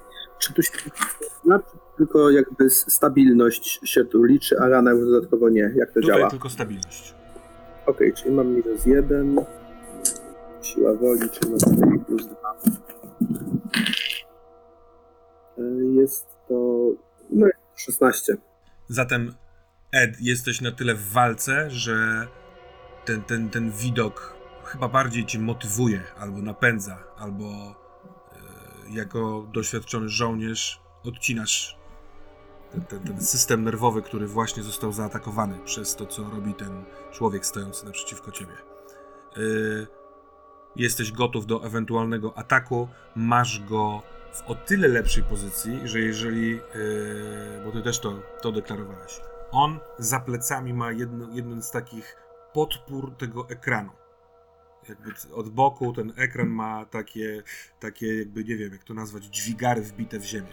Więc nie będzie mógł swobodnie yy, odskakiwać, unikać, jeśli się go zaatakuje. E, to ja to robię w tym momencie, kiedy to zauważam i kiedy liczę, że on się może spodziewać, że właśnie będę teraz wytrącony z równowagi, a nie jestem, więc podwójnie chcę wykorzystać ten moment, kiedy on może liczy, że będę rozproszony i nacieram, tak próbuję po prostu Mhm. zrobić wypad, ale go robię tak bardzo siłowo i bardzo brutalnie, żeby po prostu może skończyć tę walkę, bo walki należy kończyć najszybciej jak się da. Plus jeden do rzutu. E, Jeszcze plus jeden, czyli niweluje mi się z raną, czyli mam po prostu plus pięć. No teraz jest to 15. Hmm. To bardzo dobrze jak dla ciebie. Ciach. Yy, pchnięcie rozszarpowuje, rozszarpuje yy, kawałek skóry ciała na wysokości żeber. Yy, na tej białej koszuli znów plama krwi. Yy, a on próbuje odskoczyć, ale właśnie tyłkiem trafia w ten, w to coś, w, te, w, to, w, to, w, tą, w tą metalową belę, więc musi skręcić. Jest no, po prostu za, za plecami ma ekran, ale ta rana sprawiła, że on przestaje się uśmiechać. Opada mu kącik ust, stroszy brwi, patrzy na ciebie i wygląda tak, jakby przełączył bieg. Bawił się, a teraz będzie walczył. Ale jest dobra wiadomość. Rapier znów znika, w sensie w, twoi, w twoim ręku, a jest tam pistolet. A on mówi merde. Michael, biegniecie, a ten y, V zatacza tych, takie, takie jakby taki okrąg i chce uderzyć od boku. Trochę tak jakby chciał was sprzątnąć ze stołu. To myślę, że teraz mógłby mi się odpalić, a tu moje opanowanie, które właśnie w tej sytuacji wyszło i jest, yy, mógłbym na to rzucić po prostu, żeby mieć edge w Proszę tym bardzo. konflikcie. Zobaczymy, czy jestem opanowany i mogę myśleć, czy... No tak sobie. Yy, to jest 8 plus 4, 12, czyli mam dwa edge do wykorzystania w całej tej scenie tego całego konfliktu. Mhm. I, I co? myślę, że y, ten, to, co teraz chcę zrobić, to wykorzystać Edge na uniknięcie tego ataku. Ze spokojem. Na przykład on będzie leciał, i ja chcę. Ja robię coś zupełnie, coś, co wymaga y, zimnej krwi. I jak biegnę na to, żeby prześlizgnąć się pod tym atakiem. Wiem, że tam jest y, kawałek takiego, y, gdzie można dołem przejść, i po prostu biegnę i będę wślizgiwał się pod. I, Mhm. i tyle. No po prostu tak to robię. Dobrze, to w takim, w takim razie, marnując jednego z tych edge'ów, do, doskonale przeciskasz się yy, pod spodem. Aż kapelusz mi zwiewa. Tak, szorując trochę klatką piersiową po tym piasku. Yy, słyszysz za plecami yy, najpierw taki jakby dźwięk wysiłku, tak jakby Milton wskakiwał i jest tąpnięcie. On przyjął cios jakoś. Jeremy, w tej mm, w tej niemal rosie, takim pyłku wodnym, który jest snem, który kiedy zamykasz oczy, to czujesz od razu, jakby przenosi się uwaga na inne zmysły i w nosie, we wnętrzu czujesz tę przyjemną, ciepłą wilgoć snu. Zasypiasz. Jesteś w taksówce na miejscu pasażera, a obok, yy, za kierownicą, jest ubrany w taką właśnie piżamę hospicjum, yy, z, opaską na, na nadgarstku bardzo, bardzo stary Jeff. Trzyma ręce na kierownicy, ale to są właściwie ścięgna i kości, wystające żyły lekko drżą i on taki jest, wiesz, taki bardzo przygarbiony nad tym kółkiem. Patrzy na ciebie. O! Może chcesz poprowadzić, zamienimy się? Oczywiście. No to się zamieńmy. To zatrzymaj samochód. Eee, bzdura. Ups, jesteś za kółkiem. O, Prowadzę, spokojnie. jedną ręką będziesz prowadził taką dużą gablotę? A co ci się stało w bark? Długo by mówić. Ale Jakieś dziwne monstrum mnie goniło. we śnie to zrobiłeś, czy na jawie? Na jawie. A, no to trzeba lekarza zjawy. Lekarz zjawy. Dużo o tobie wiem. Ale jestem totalnie nieposkładany i nic z tym nie mogę zrobić. Dobrze, że w końcu do mnie przyszedłeś. Jeff, Tak, co mam zrobić? jedź, Czy ty możesz? jedź, jedź. Jedziemy. Tak. Ona po prostu w pewnym momencie będzie. Bardzo chcę z tobą porozmawiać. To jedziemy. Jadę bezwiednie w stronę Argyle Road. Mhm. A w ogóle to jesteś w Texas City, yy, poznajesz miejsce, ale jest wieczór późny. Inna pora dnia niż ta, którą widziałeś w hospicjum. Światła miejskie. Po chwili orientujesz się, że też jesteś w innym czasie, że samochody, yy, witryny restauracji, yy, brak, wiesz, billboardów. To są jakieś takie 60., 70. lata na twoje oko. A on siedzi i pogwizduje. O, powiem ci, dobrze jest otworzyć gębę nawet całą taką senną do kogoś. Jejuśku, ale wpadłem w, jak śliwka w kompot. No, jak cię poskładać, Jeff? Oj, nie wiem, nie wiem, czy to w ogóle możliwe. Już se doleżę, chyba umrę w pewnym momencie i o, będzie wieczny sen, jak to mawiali Indianie. No, nie wiem, czy ty jeszcze w ogóle możesz umrzeć. Zwracam się, wiesz, w twoją stronę na zasadzie, co? Jak to?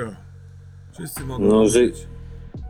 No, ale ty żyjesz w wielu światach snów. Wystarczyłoby chyba, żebyś po prostu myknął... Myknął z ciała do snu. Ale Albo musiałbym... ciałem do snu. Musiałbym chyba zrobić to fizycznym ciałem, a moje fizyczne ciało śpi w tym pierdolonym hospicjum. Jestem w śpiączce, walnęło, trachnęło, jak te wi wije chciały mnie wciągnąć. W ostatniej chwili się obroniłem, ale przez to jestem właśnie w takiej sytuacji. Wiesz, mamy chyba sposób, żeby cię do tego snu wnieść. O, jakiż to? Mamy program komputerowy, przez który można wchodzić do snu. Program komputerowy. Pracowałem na komputerach dużo. No ale tak No, widzisz. tak. Myślisz, że jak będę spał, to program komputerowy mi coś zrobi? Nie, po prostu cię wniesiemy. Śpiącego? A to ci No. historia. To byłoby coś. Bierzcie, bierzcie mnie. Cały się poddaję. Najpierw mojej pani, a potem wam. No, to gdzie ta twoja pani, powiedz? I kim ona przede wszystkim jest? Nie odwracaj się. Słyszysz za swoimi plecami z tylnej kanapy głos kobiecy, niski, spokojny i pewny siebie. Nie przyjmujący żadnych jakichś innych punktów widzenia. Ed. Masz pistolet, masz nieco wytrąconego z mm, jakby z mocnej pozycji przeciwnika. Masz też świadomość z lewej strony, patrząc, że po y, tej kładce biegnie Michael. Właściwie teraz robi szczupaka pod wijem, który próbuje skosić jego, ale mu się nie udaje. Co robisz? Mm, strzelam, ale tym razem próbuję tak głowę. Widzę, że on jest dużo bardziej odporny niż mi się wcześniej wydawało, Mhm. s- e, więc chcę to jakoś zakończyć. Mam ciągle z tyłu głowy, że tego się może nie dać zakończyć, że to jest jakiś, jakiś nieśmiertelny diabeł, no ale jakby nic mi innego nie zostaje, więc... No to proszę.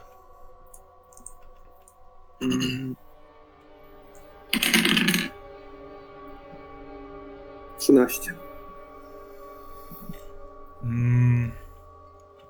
On. Y, y, pierwsza kula y, nie trafia, ponieważ on w tym samym momencie, w którym ty podnosisz broń, żeby strzelać, robi wypad i atakuje cię szpadą. Ale szybciutko y, y, modyfikujesz y, cel strzelasz mu prosto w głowę w momencie, kiedy on jest naprawdę bardzo blisko.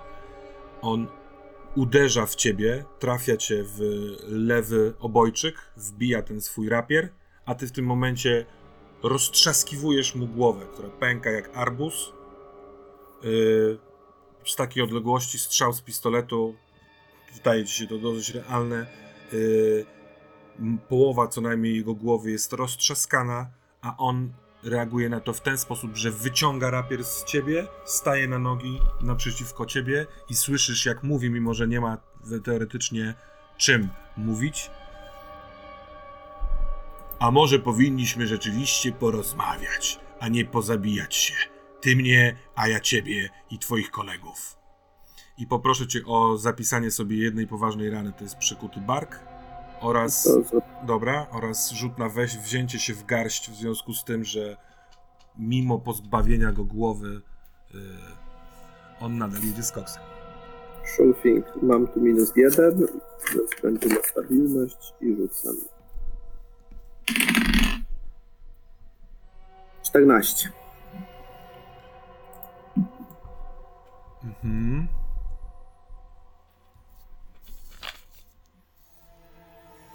No to proszę, rzuć tam okiem yy, na tę listę. Za chwilkę będziemy kontynuować, a ty miej jakiś pomysł. Michael.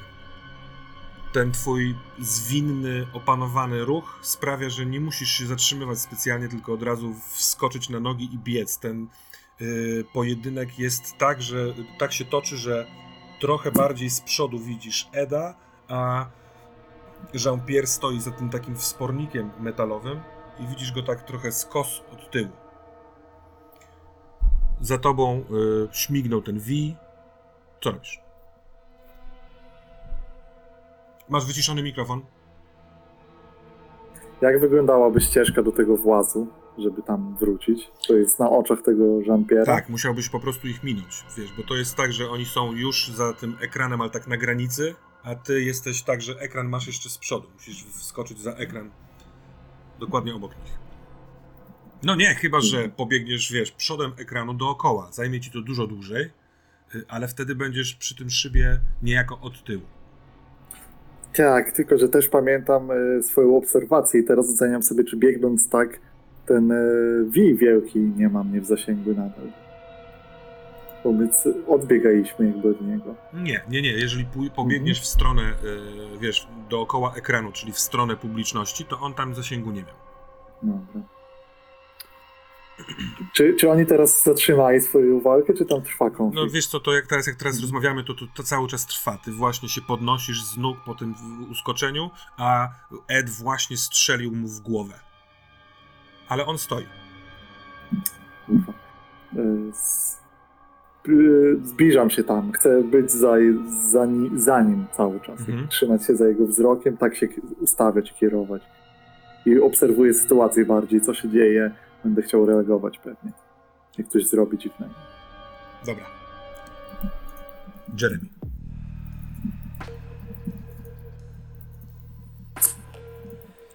Jeremy McMolay.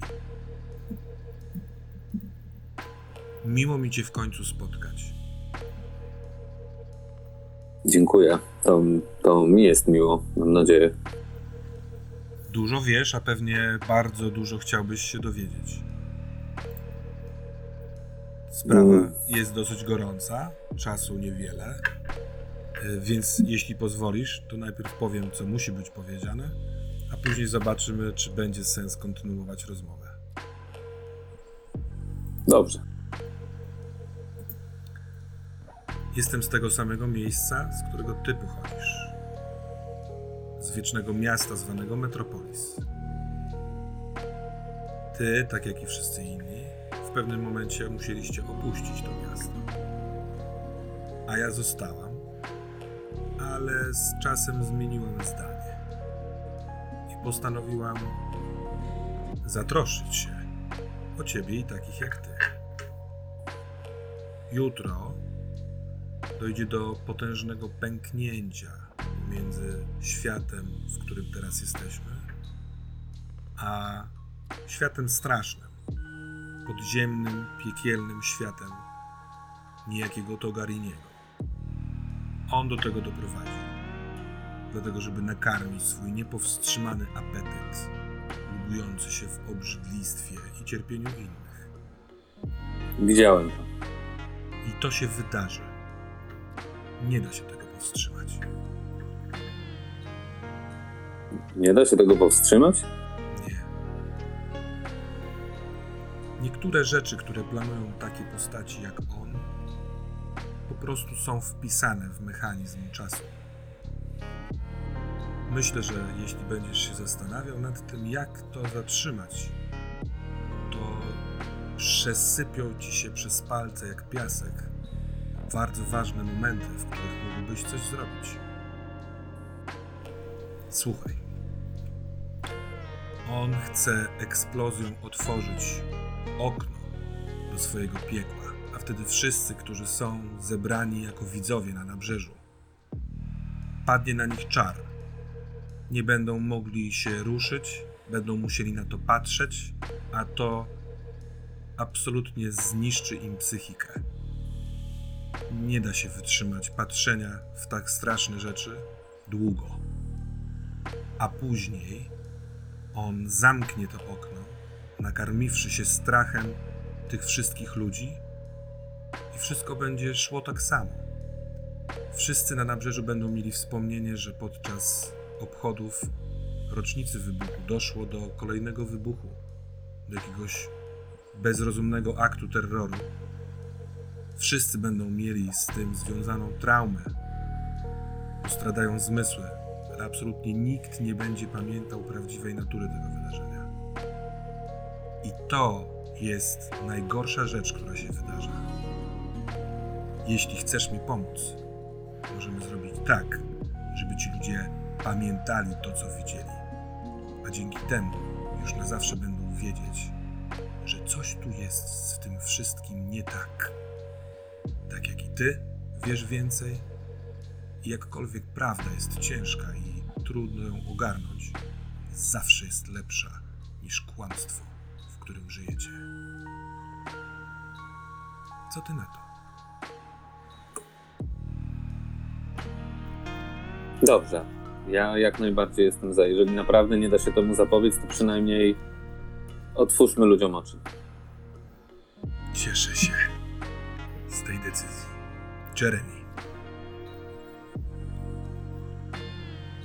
Jesteś wybranym przez, nie bezpośrednio, ale przez marionetki Togariniego.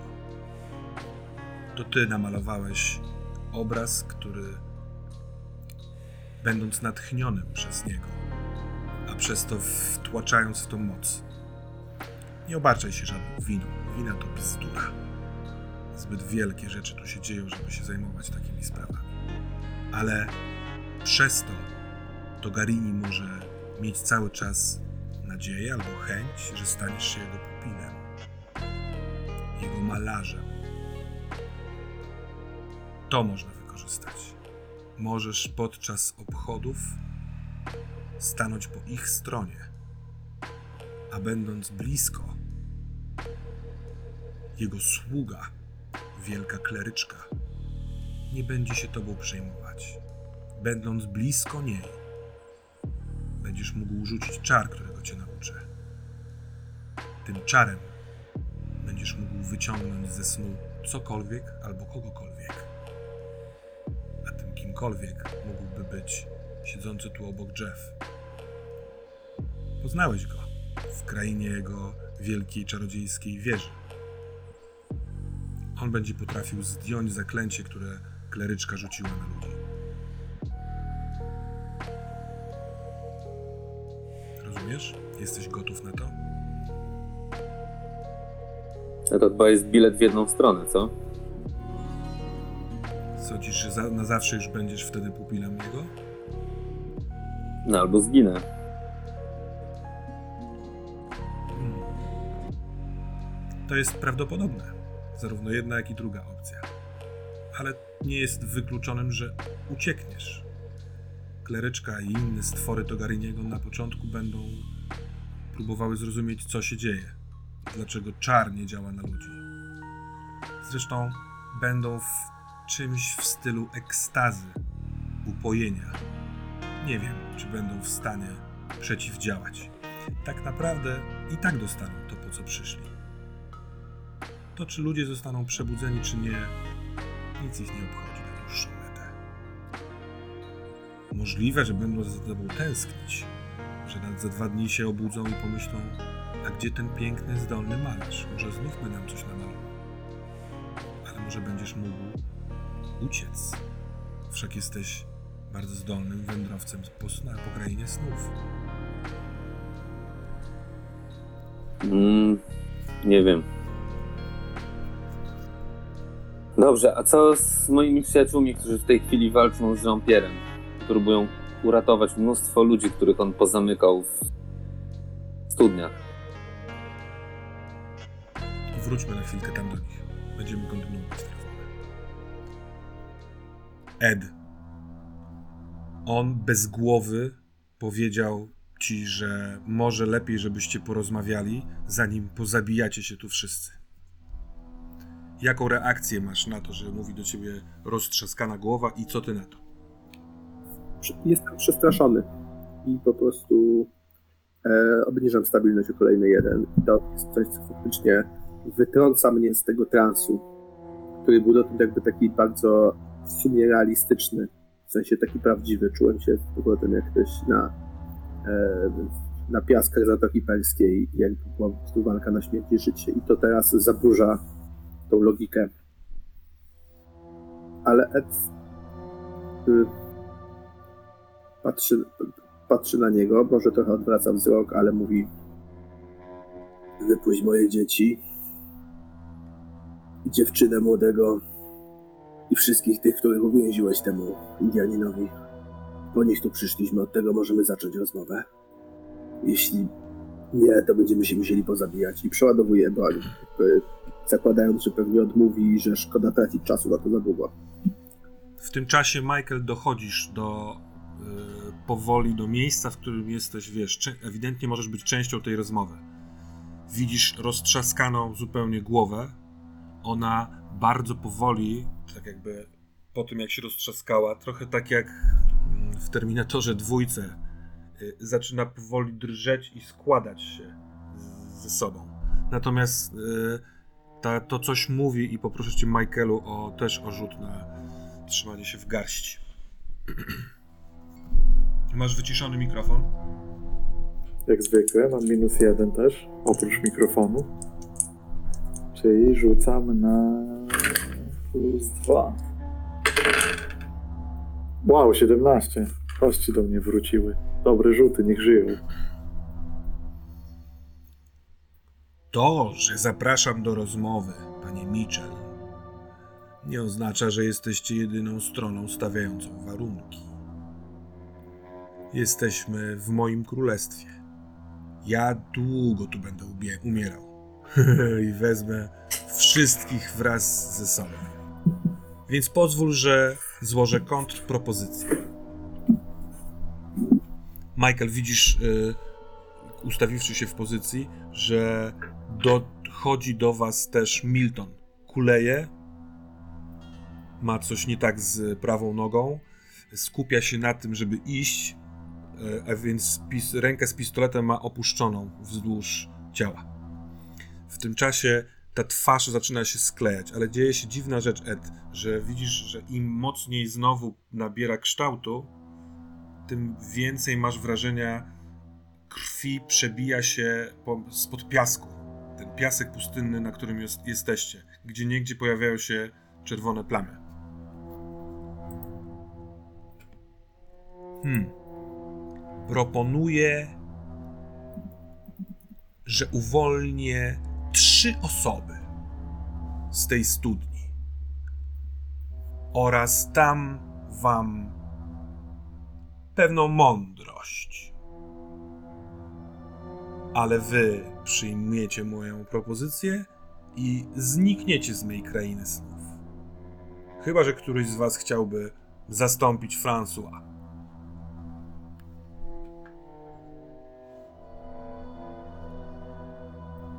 Ed się chwilę zmaga z tym, ze sobą, bo no, to nie jest typ człowieka, który wierzy, że uratuje cały świat. Trzy osoby to jedna więcej niż to, czym mu tak naprawdę zależy. Więc myśli sobie, że jeszcze sobie zabierze młode dziewczynę, a Milton trudno. Ale potem wy- wykrywa jakaś taka po prostu taka bazowa solidarność. Ja myślę, że Ed jeszcze raz strzela w tą głowę. W sensie ja nawet zakładam, że te rozmowy będą dalej trwały, ale skoro strzały w głowę zmieniają tutaj nastawienie w dyskusji, to może kolejny kolejny no, ta propozycja może będzie hojniej. Więc jakby i to też chcę, pokazać, że nie, że jakby Mhm. po- że to wszyscy zginiemy i tak dalej, że to nie robi na nim szczególnie dużego wrażenia, więc po prostu W takim razie proszę cię o rzut na spoglądanie przez iluzję. Mm. czy rana mi tu modyfikuje coś? Nie. Nie, nie. Możesz mieć nawet plusy, jeśli masz- masz krytyczny stres. Tak, tak, tak. Jeżeli masz stabilność na odpowiednio niskim poziomie. Od minus 6 się zaczyna. Wynik. Jeszcze raz, ile? 13. 13. Podnosisz pistolet. W momencie, kiedy naciskasz spust, to zaciskasz dłoń na rękojeści rapiera. A on od razu atakuje. W. Rzuć proszę na uniknięcie ran. Michael. Y, świadom, y, w sensie usłyszałeś y, propozycję, którą złożył Jean-Pierre. Y, to, co Ed powiedział, trwało sekundę. On po prostu podniósł pistolet, ale w momencie strzału zamienił się on w rapier, a już z niemal całą głową y, Jean-Pierre atakuje Eda. Co ty na to? Ja na to tak, że tam gdzieś się z tyłu człapie Milton, ledwo. E, czy mam jakiekolwiek podstawy podejrzewać, że Jean-Pierre mnie zobaczył, czy byłem w miarę takim schowanym miejscu? Cały chyba czas. wcześniej mówiłeś o tym, że zależy ci na tym, żeby być gdzieś Tak. schowanym, więc to zróbmy tak, że, że mógł cię w ogóle nie zobaczyć.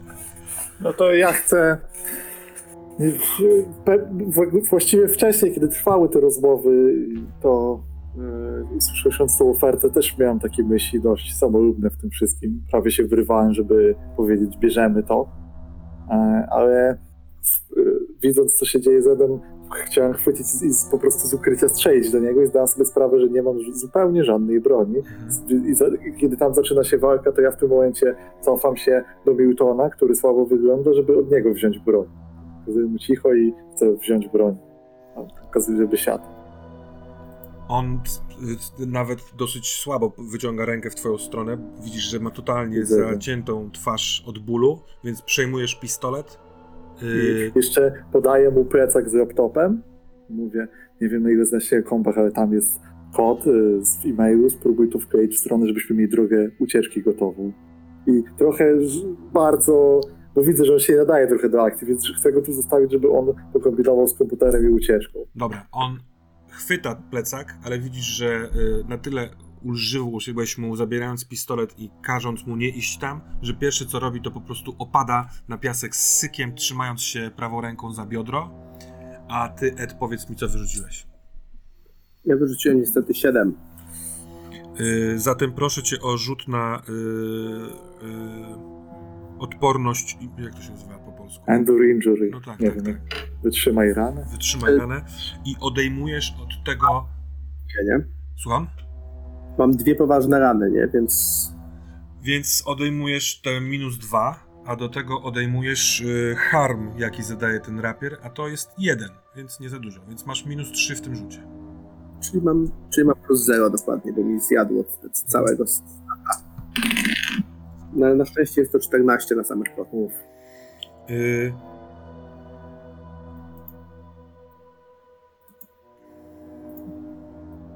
Dobra, on y, y, wypada. Ty w ostatniej chwili jakimś odruchem, rejestrując, że masz ten, ten rapier, próbujesz sparować ten cios i on, ten, ta jego finta, ten, ten jego wypad sprawia, że on owija swoje ostrze wokół twojego rapiera i tym takim fechmistrzowskim ruchem hops, wyrzuca twój rapier y, w piach. Michael, w tym momencie się odwracasz, widzisz, że oni są w bardzo bliskim, y, y, jakby blisko siebie. Ed jest bez broni. I jestem ciekaw, co będziesz chciał zrobić, ale dam ci czas na zastanowienie się. bo w pewnej taksówce, która jedzie przez y, nocne Texas City, pani z tyłu mówi: Jeremy, nie wiem. Jeżeli jakiś człowiek w jakiejś krainie snów walczy o swoich bliskich, to jest to poza moim kręgiem zainteresowania. Może to brzmi oschle, ale w pewnym momencie zrozumiesz, że są różne skale patrzenia na sprawy. To, o czym teraz rozmawiamy w taksówce, zaufaj mi, jest znacznie istotniejsze. Dobrze. A czego jeszcze mnie nauczysz?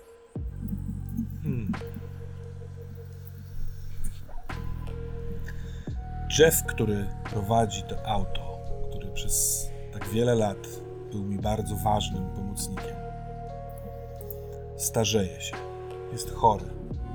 Możliwe, że kiedy wyciągniesz go z tej, z tej śpiączki, on wykona dla mnie ostatnie zadanie.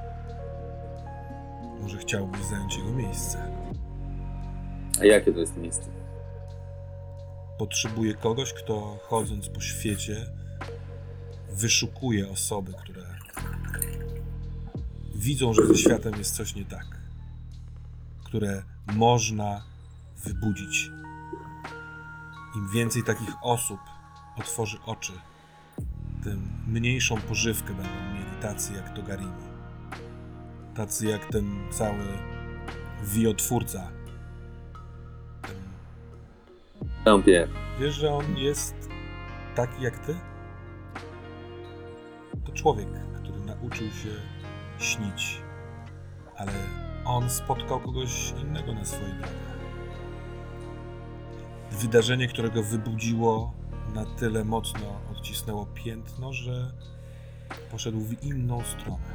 Nie wiem zbyt dużo o nim, bo nie lubię wchodzić do kraj, krain snów zarządzanych przez księciów czy tam magów snów. Nie chce mi się ryzykować. Ale zaintrygowało mnie stworzenie, które potrafi stworzyć. Yy, Bardzo dziękuję twojemu koledze za to, że dostarczył mi takiego małego wija. Jeremy, No właśnie trzeba. mogę nauczyć ci tego czaru, wyciągania ze snów przedmiotów albo osób. Yy, na razie nie specjalnie zniósłbyś wiele więcej. To dosyć męczące umysł yy, działanie. A za kilkanaście godzin, jutro rano rozpoczną się te obchody. Jeśli uda ci się, a jeśli ci się nie uda, ale będziesz miał wolę dołączyć do mnie, to spotkamy się. Dobrze, tylko jeszcze jedno pytanie. Skąd się tam w ogóle wezmę? Przyjdą do mnie ci słudzy Togariniego? Oni się pojawią tuż po eksplozji. Zobaczysz, że eksplozja sprawi, że czas zacznie płynąć znacznie inaczej. Jeśli tam będziesz, to zobaczysz kleryczkę i innych sługusów Togariniego, którzy wypełzają z dziur, z wyrw rzeczywistości. Jesteś w ich mniemaniu z nimi. Może zagubiony, może jako świeżak, nie będący pewnym, czy chce robić to, co. Ale jeżeli zaczniesz iść do nich pewnym krokiem, przywitają cię jak swojaka. I wtedy mam wyciągnąć ze snu maga Salomona. Myślę, że poczujesz odpowiedni moment. Dobrze. To naucz mnie proszę tego czaru. A czy te rzeczy ze snów mogę wyciągać z tym czarem wszędzie? Mm, s- Limbo to przedziwny świat, który nawet tacy jak ty i ja niekoniecznie mamy w pełnej kontroli. Wydaje mi się, że ten czar potrafi bardzo dużo śnie, we śnie, ale mogą być krainy snów, które są albo mocno zabezpieczone, albo mają, są tak blisko otchłani wielkiego vorteksu, że magia nie będzie tam działała. Czyli mogę wyciągać do prawdziwej rzeczywistości, takiej tej namacalnej, ale mogę też wyciągać w innych snach. Mhm. Kiedy jesteś we śnie, albo kiedy jesteś na jawie i rzucisz ten czar, to przedmiot, który będziesz miał w ręku, albo osobę, z którą będziesz rozmawiał, albo którą sobie przypomnisz, powinna zjawić się tam, gdzie ty jesteś. Dobrze, to, to mam jedną tylko prośbę. Mhm. Naucz mnie tego i odeślij z powrotem, żebym mógł pomóc swoim przyjaciołom.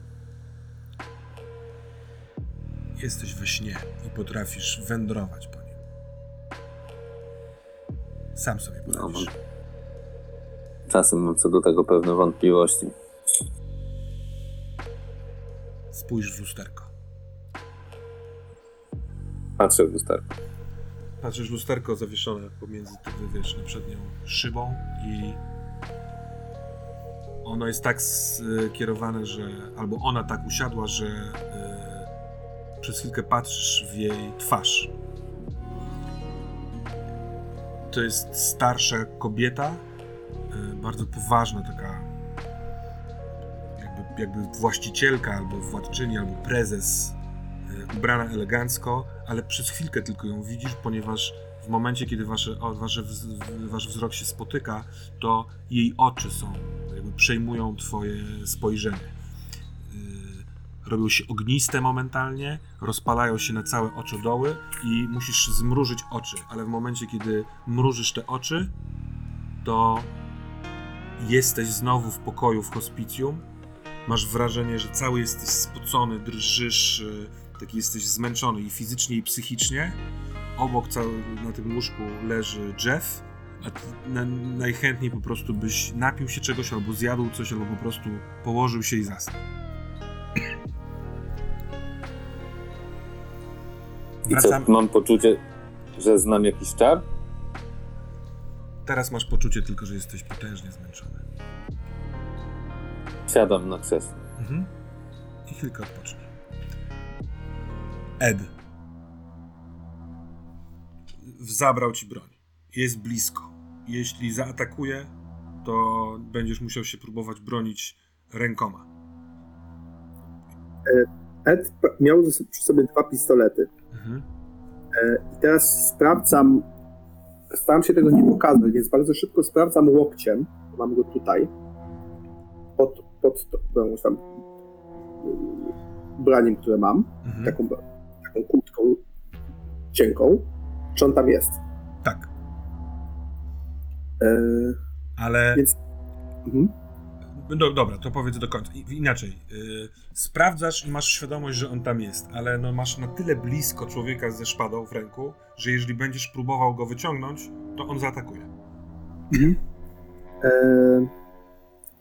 ja próbuję się na niego rzucić tak szczupakiem pod tą szpadą. W sensie chcę zrobić taki zapaśniczy atak Mhm. na niego, Taką szarżę. Taką szarżę dołem, żeby przejść pod tą szpadą, złapać go, ob- obalić go na piasek.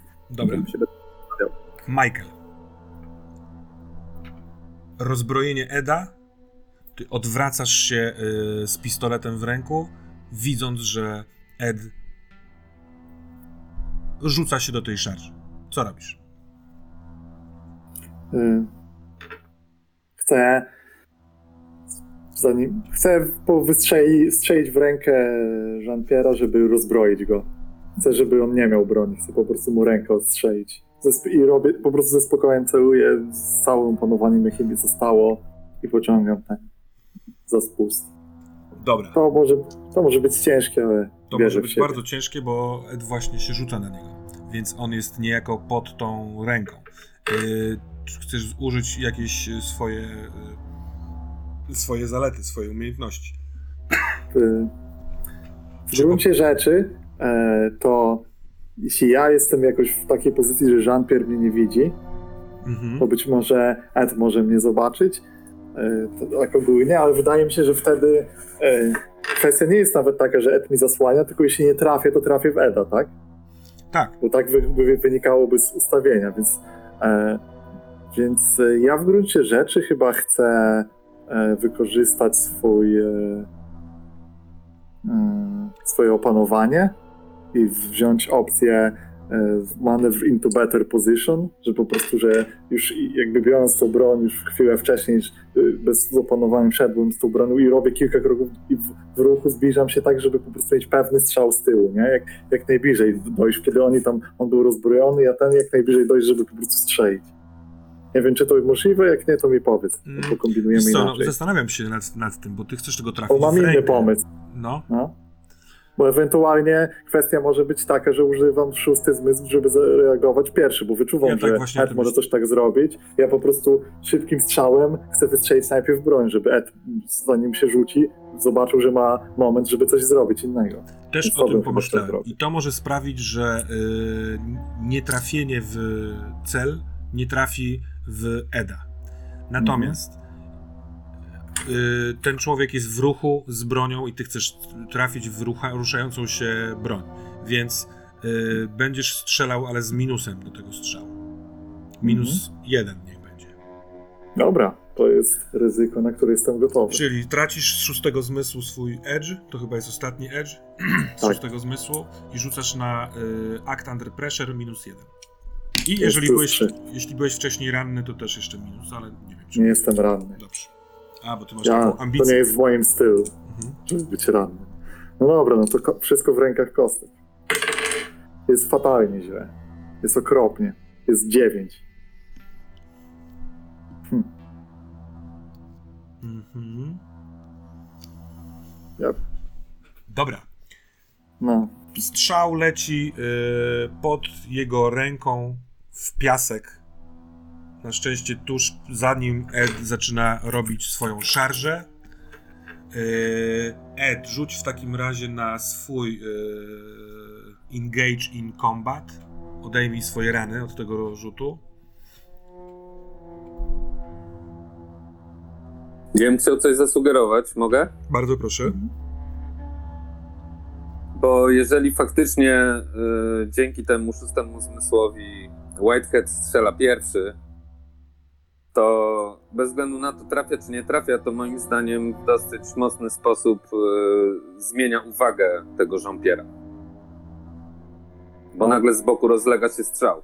szczególnie i myślę, że też jest, bo tam jest opcja you're exposed to the danger, więc mo, może coś na mnie teraz Tak, ale to, to sprawi, że y, y, jeśli Edowi nie uda się rzut, to niekoniecznie będzie y, zdoła zaatakować y, Eda Mhm. swoją bronią. Tylko na przykład wykona inną konsekwencję. Tak, chodziło mi o to, że jest mu jakby trochę prościej uniknąć konsekwencji, albo trochę prościej to zrobić, bo na moment jest zdistraktowany Tak. ten, ten żąpier. Jesteś Ed, wyciszony. Jesteś wyciszony.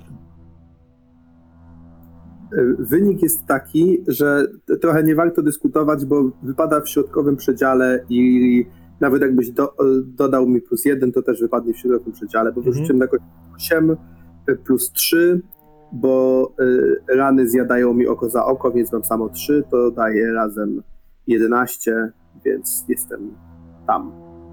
Dobra. Mm.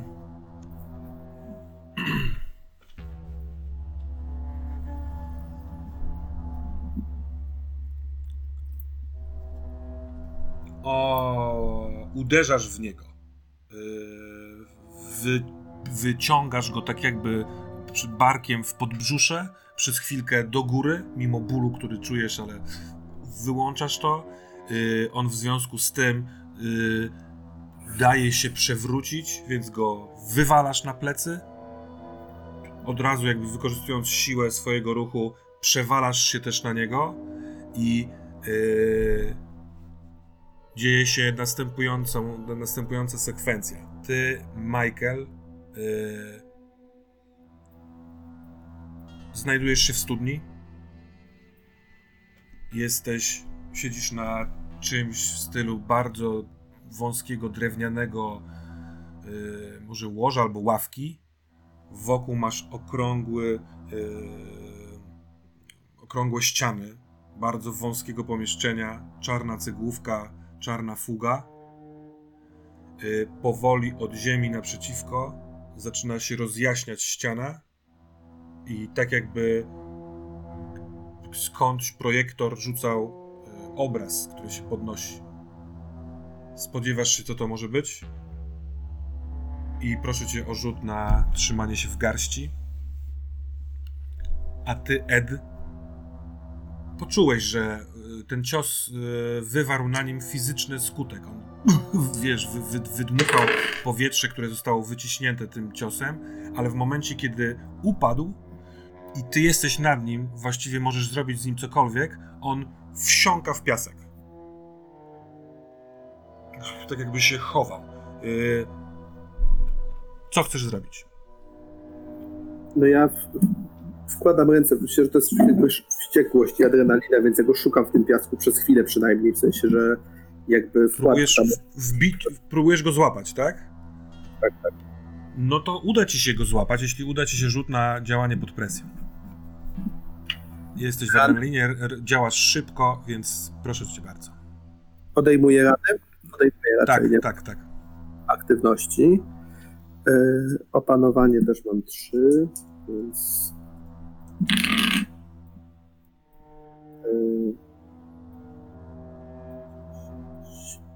No niestety, mniej, e, mniej niż 9. Mniej niż 9. Wbijasz rękę w piach. Mhm. On znika, a ja myślę nad konsekwencją raz, dwa, trzy. Mm. Czy ciekawego. Dobra, dobra. Nie ma go. Jesteś sam. Jaki wynik rzu- rzutu, Michael? 19. 19. Yy, W momencie, kiedy wznosi się ten ekran i yy, dostrzegasz odź- jakby od dołu odzież Lady Freedom, yy, tak jakby ten film jest o niej, to pryska to. Jesteś na kolanach na piasku, pistolet w, w prawej dłoni masz w, w piasku, lewą ręką opierasz się o piasek, trzęsiesz głową i widzisz, że Ed tak jakby leżał na tym przeciwniku, tylko że przeciwnik zniknął. Obaj jesteście świadomi, że coraz więcej plam krwistych wysącza się tak jakby spo, spod tego piasku i słyszycie już tylko głos. Zostaniecie tu na wieki, oglądając waszych bliskich, przyczep przywiązani pasami do foteli moich samochodów. Jeśli stąd nie spierdolicie, to mój sen, mój sen, ja będę go śnił tak jak chcę. Nie wyjdziemy bez nich. No, przed chwilką widziałeś, co cię czeka, panie White Hat. Spróbuj. Spróbuj ich wydobyć. Albo nie. Fajniejsze do oglądania będzie, jak się dogadacie. Które trzy osoby chcecie, żebym uwolnił?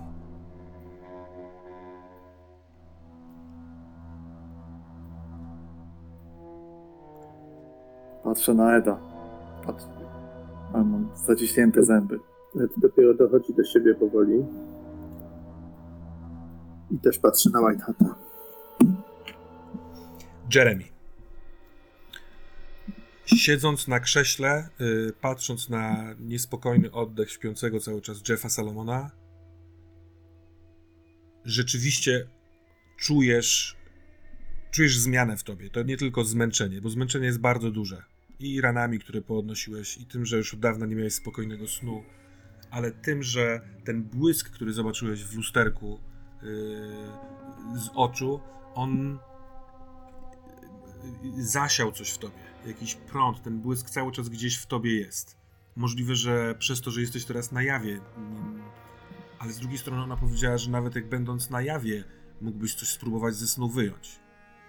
Więc ciało chce spać, umysł To chce mam w spać, zasadzie zrobić. zrobić?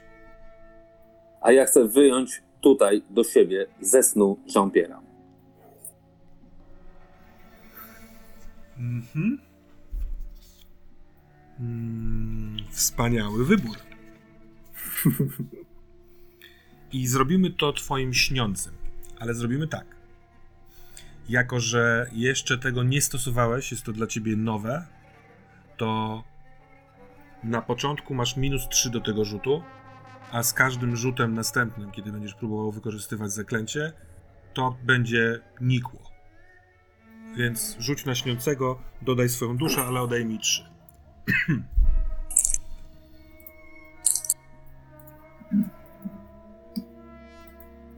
Dwanaście. Co pamiętasz y, o Jean-Pierre?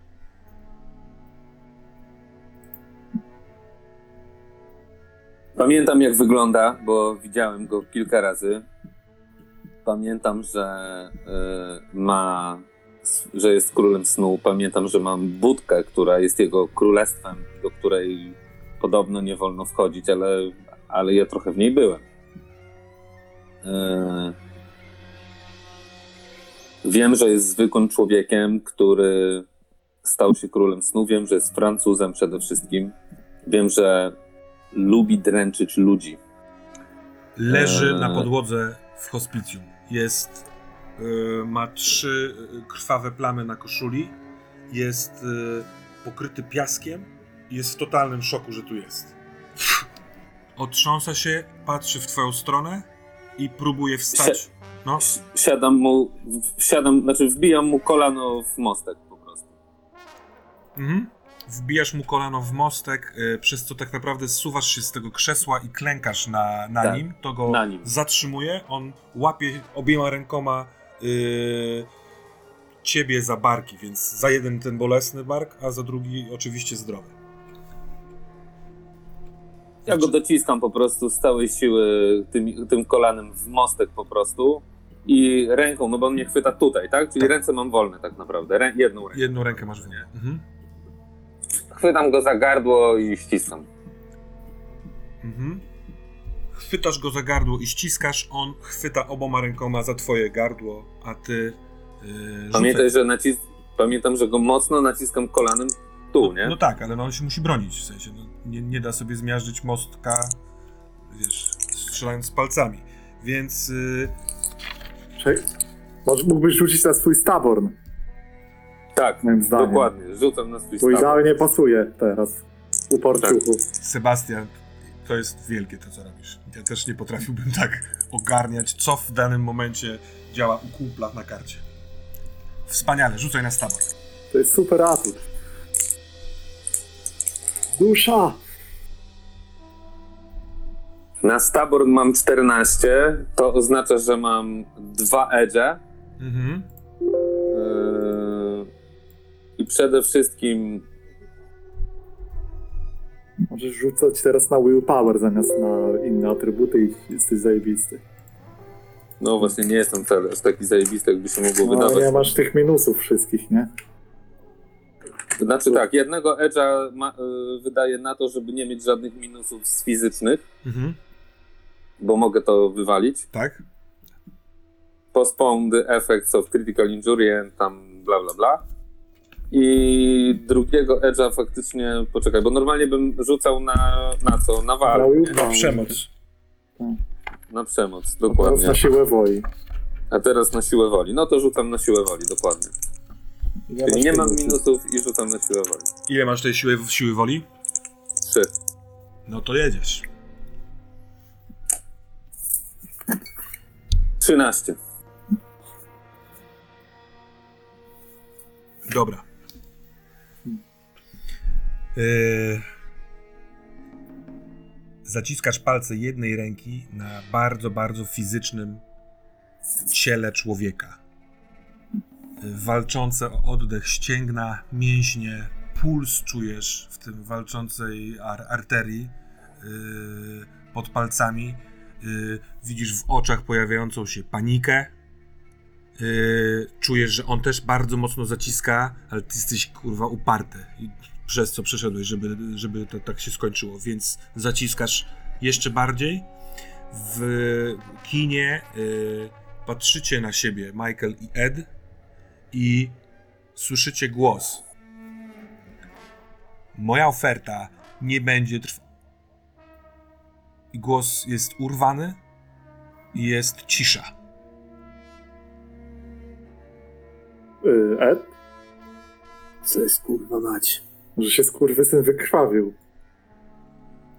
Może w sensie jego parę razy trafiłem i on z jednej strony lubię normalnie, ale Jebać! Jebać! Jebać to. i, i chodźmy. Idę, szyb, idę w ogóle, podnoszę Eda, jeśli się nie podnosi, bo widzę, że teraz wygląda słabo.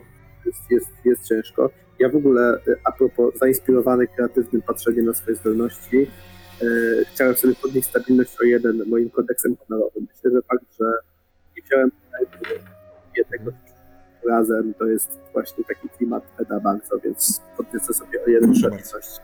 Mhm. E, I co? Wstaję się, faktycznie jestem, wycieńczony i obol, przybity ten on pewnie krwawi, Tak. pal, no ale zbieram się i e, oglądam się z jakimś wyjściem. Kiedy, Milton, dawaj tu! kiedy wstajesz. Milton. y, Tak, tak, tak. Ty, ty, Michael, podchodzisz, podnosisz Eda, widzicie obaj, że Milton y, klęczy, ma otwarty twój laptop, y, próbuje coś w nim robić, widząc waszą akcję. Podnosi go i idzie, kuśtykając w waszą stronę. Co się stało? Co się stało? On zniknął? Uciekł, przegrał, kutas. Chodźcie, kurwa, ale wy wyglądacie. Chyba potrzebujemy iść do doktorka surfera. Dobra, jebać to teraz. U. Ja wchodzę, ja wchodzę, chodźcie, ja wchodzę tam. Ja muszę tam wejść. Idziecie w stronę tego szybu. 70% piasku jest bagnem, krwawym bagnem. Nie takim bagnem, że się w nim utopicie, tylko tak jakby to była, ten piasek był gąbką. Widać, że ktoś naciska na tą gąb- gąbkę i od środka zaczyna wypełzać na powierzchnię krew. Wręcz jest piana na tym. Kiedy idziecie, to czujecie zupełnie inne wrażenie pod podeszwami niż gdybyście szli po piasku masz, y, macie też wrażenie, że nie tylko y, podłoże krwawi. Na przykład po tym szybie z ekranu zaczynają kapać y, i spływać krople krwi. Słyszycie za plecami ryk wija. Jakiś taki bardzo głośny, z wielkiej tubalnej rury ryk. Y, Wstaje y, w klatce swojej Don i patrząc w waszą stronę, nie wrzucajcie mnie tam, nie wrzucajcie mnie tam, nie wrzucajcie mnie tam. Jesteście przy tym szybie. Co robicie? Biorę, otwieram, to, bo jako, że mam jedyne sprawne wszystko, otwieram i mówię, dobra, wyciągnijcie tego ginę, będziemy go potrzebować w prawdziwości. A ja wchodzę po kolei, będę ich wyciągał. Tak jak mówił François. Po prostu muszę sobie wyobrazić i tam sięgnąć. Na, na, na początek chwytasz te dwa Mhm. uchwyty. Zapierasz się i podnosisz. Cała ta rura tak jakby nie wbiegała, nie, nie, nie, nie, nie była wbita w głąb, tylko po prostu unosisz ją. Hyc, unosisz, a w piasku jest olbrzymia dziura. I w momencie, kiedy y, unosi się w powietrze ta rura, to w nieprawdopodobny sposób ta dziura w ziemi jest znacznie, znacznie większa. Y, Gdzieś głęboko, kilka pięter w dół, y, trochę, to, trochę to wygląda jak plaster miodu. Y, Takie sześcianopodobne otwory, a może kuliste, ale tak trochę to wygląda, jakby one się stykały ze sobą, sąsiadowały. Jest tam absolutnie ciemno, a światło wpływa tylko z tego świata, w którym jesteście. No i w tych otworach są ludzie. Patrzą w dół, zakrywają przed tym światłem nagłym twarze rękoma, y, krzyczą, a! Niektórzy y, inni leżą, jest ich tam pełno. Masz wrażenie setki, jeśli nie więcej, takich małych y, otworów i ludzi. Ed. Michael sugerował y, klatkę.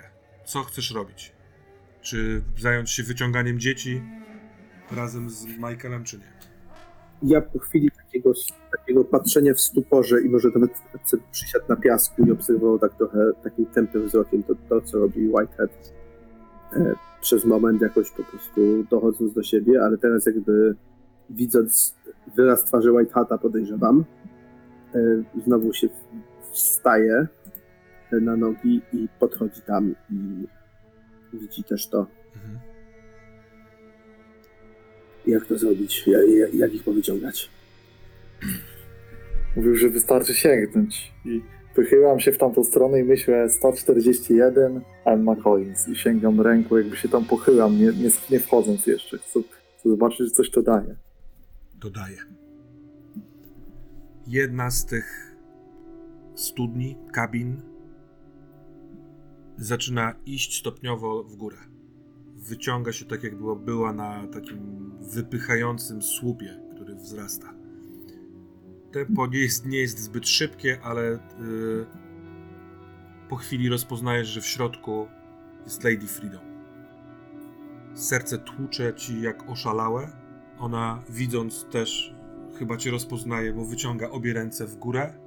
Staje na tym drewnianym łóżku, na którym przed chwilką siedziała, a ty po chwili widzisz, że to ona. Jest bardzo wychudzona, blada. Jej ręce są szczupłe, chude, zimne, kiedy zaciskają się na twoich dłoniach. I rusza ustami, nie wypowiadając żadnych słów, tak jakby nie wiedziała, co powiedzieć, albo nie miała no- najnormalniej siły, a ty po chwili wyciągasz ją lekko, jak kartka papieru, z tej studni i w momencie, kiedy ona jest na piasku obok ciebie, ta studnia opada w dół. Ona patrzy, trzęsie się jej cała twarz i się przytula. Jeremy. W pewnym momencie on jedną z rąk, które próbował zaciskać na twojej szyi, ściąga i tak jakby łapał twoją. Próbuje wbić palce pomiędzy twoją dłoń a szyję. Za chwilkę robi to też z drugą. Język zaczyna wychodzić mu na zewnątrz. Masz wrażenie, że to są ostatnie chwile i w momencie, kiedy masz, kiedy już dociskasz, on znika. Nie ma go. Opadłeś, opadło ci kolano na podłogę. Nie jesteś pewien, czy go zabiłeś, czy nie. Ale go przywołałeś. Co robisz? Hmm. Co ja mogę zrobić teraz?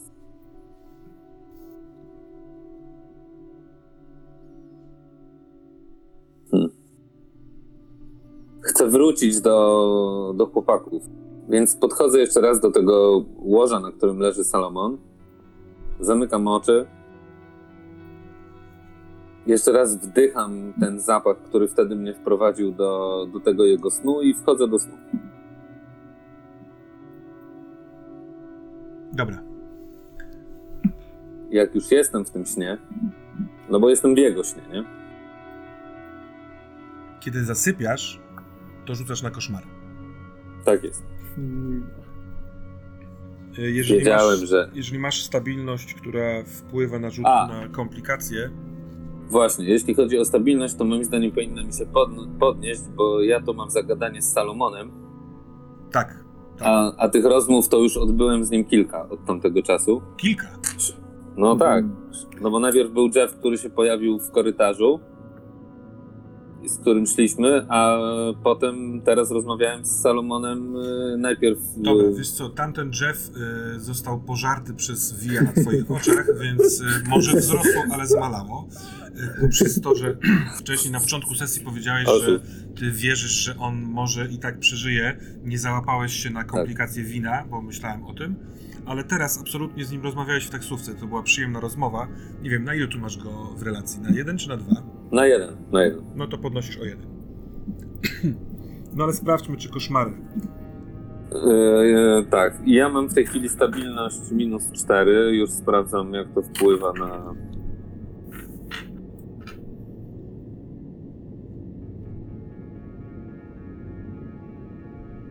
Tak, mam minus 2 do rzutu na komplikacje. Mhm. I to jest, rozumiem, rzut po prostu na minus 2. Tak.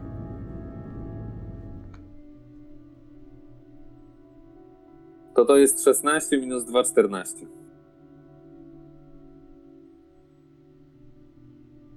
Dobra.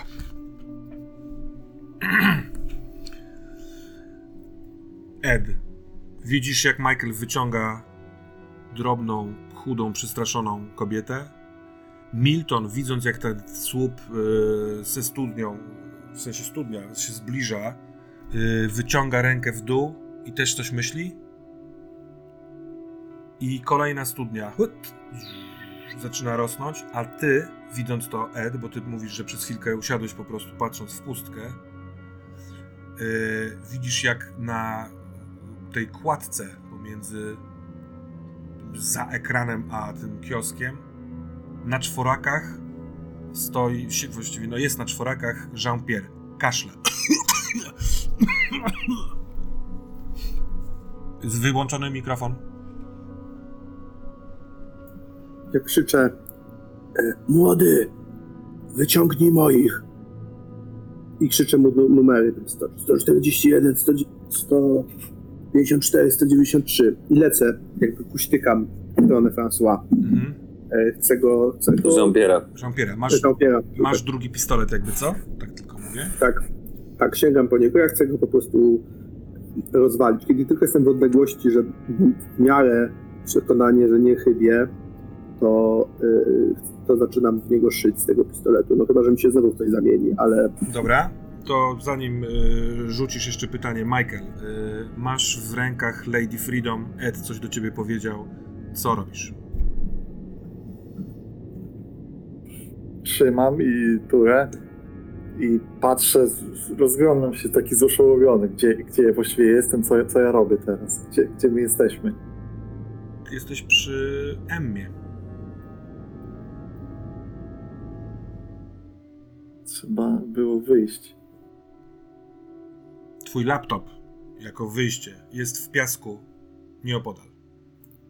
Znaczy nie, że jest wbity w piasek, tylko e, Milton go postawił. Milton. Milton kuca, w sensie wychyla się i widzisz, że studnia z bardzo starą, siwą y, y, kobietą podnosi się, ona wyciąga słabo rękę, a Milton zanurza się w dół i wyciąga ją pod pachy.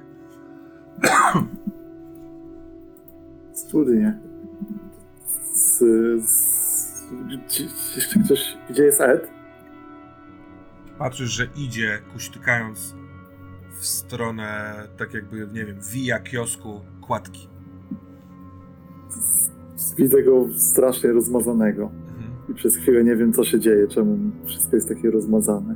Ona całuje y, łzę, która wypływa z twoich oczu. Musimy uciekać. Musimy uciekać z tego strasznego miejsca.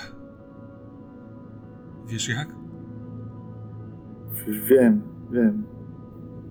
Ja wiem. Muszę coś, muszę coś jeszcze zrobić.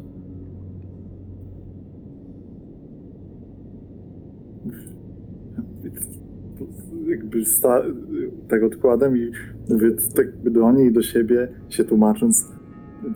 Nie jest, mówiłem, ja nie jestem bohaterem. Nie jestem bohaterem, Emma.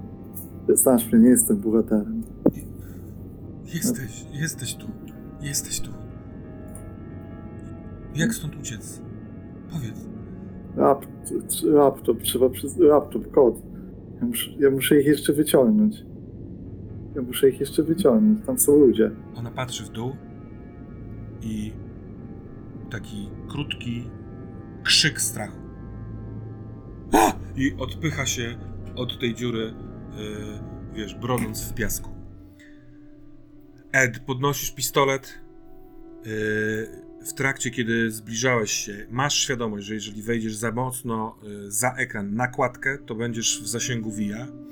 Yy, Więc podchodząc do tego momentu i przygotowując strzał, Jean-Pierre podnosi się. Jest bardzo pokiereszowany. Patrząc na ciebie, będzie chciał się odwracać, tak jakby uciekać. no to co, ja strzelam do niego. Wy, wygrzewam do niego wszystkim, co mam. Mhm. Rzucam na przemoc. Jest to 8, no ale na szczęście właśnie plus 3, co daje y, 11. Naciskając spust, przychodzi ci do głowy myśl. Jeżeli ta cała kraina należy do niego, jeżeli twój strzał zabije go, to czy uda się wyciągnąć ludzi, zanim z tą krainą coś się stanie? Jeremy, stoisz w pomieszczeniu, które jest na tyle inne i szokujące, że przez 2 czy 3 sekundy nie możesz się ruszyć, a potem natychmiastowo wiesz, gdzie jesteś. Jesteś za tymi drzwiami, do których prowadził korytarz, w który chciał cię wciągnąć yy, Jean-Pierre. jesteś w komnacie zamku. Z lewej strony ściana taka zupełnie kamienista i wycięta y, y, dziuro, dziura zamiast okna. Po drugiej stronie jakiś ten zielony pejzaż, jakieś pole, dalej las. Ale większość tego, tej komnaty wypełnia duże łoże. Na tym łożu pół siedzi stara kobieta. Bardzo wychudzona, bardzo pokurczona, naga. Opiera się o pełnopoduch. Yy, na, na tym łożu, na nogach rozłożone są tak jakby jak to się nazywa? Z sztalugi. Tak specjalnie uformowane, że one po prostu się opierają o łoże i w takim półkolu jest e, rozpięte płótno na tych sztalugach. Jej klatka piersiowa jest rozcięta od góry aż po, pod, pod, pod, pod brzusze. Takie specjalne metalowe trzymaki roz, e, rozwierają skórę i na metalowych statywach, podestach, też po, po opieranych na, ty, na tym łóżku, rozwieszone są jej wnętrzności. Jelito chyba, jakieś flaki, kurwa nie wiadomo co, czy żyły i jeden z tych statywów, y, który wyrasta z pomiędzy jej nóg, ma takie metalowe palce na końcu. I to w te palce są wetknięte te, jakby doprowadzone te wnętrzności. I te palce na, o, na płótnie malują obraz. Tak jakby płynami z jej wnętrza. Obok łóżka z lewej strony siedzi, yy, nie, nie siedzi, przepraszam, tylko stoi trochę coś w stylu robota takiego oldschoolowego. Metalowy, walcowaty korpus, yy, na to metalowa głowa, która się obraca bardzo długie, chude ramiona, które y, jeden, jeden z palców to strzykawka, która jest wkłuta w ramię tej kobiety, y, a druga ręka od góry trzyma jej głowę. W taki sposób, że palce cały czas podnoszą y, łuki brwiowe, przez co oczy są wiecznie otwarte, zmęczone, brązowe, oczy z przekrwionymi białkami, usztywnione tak, ta głowa jest, że cały czas patrzy w ten obraz, ma jeden z tych palców jest dłuższy i on rośnie, zatykając jej usta, jak metaliczny knebel. Ta kobieta próbuje z tymi rozwartymi gałkami spojrzeć w twoją stronę i wydaje ten dźwięk, który wcześniej słyszałeś. Musisz rzucić na wzięcie się w garść.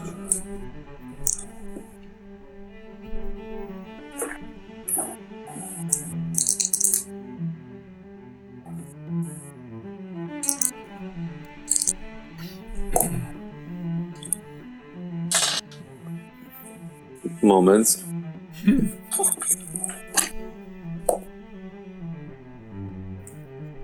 Trzynaście.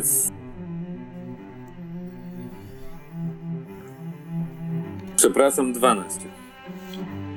Ten sam wynik. y, Jak reagujesz na to, co widzisz?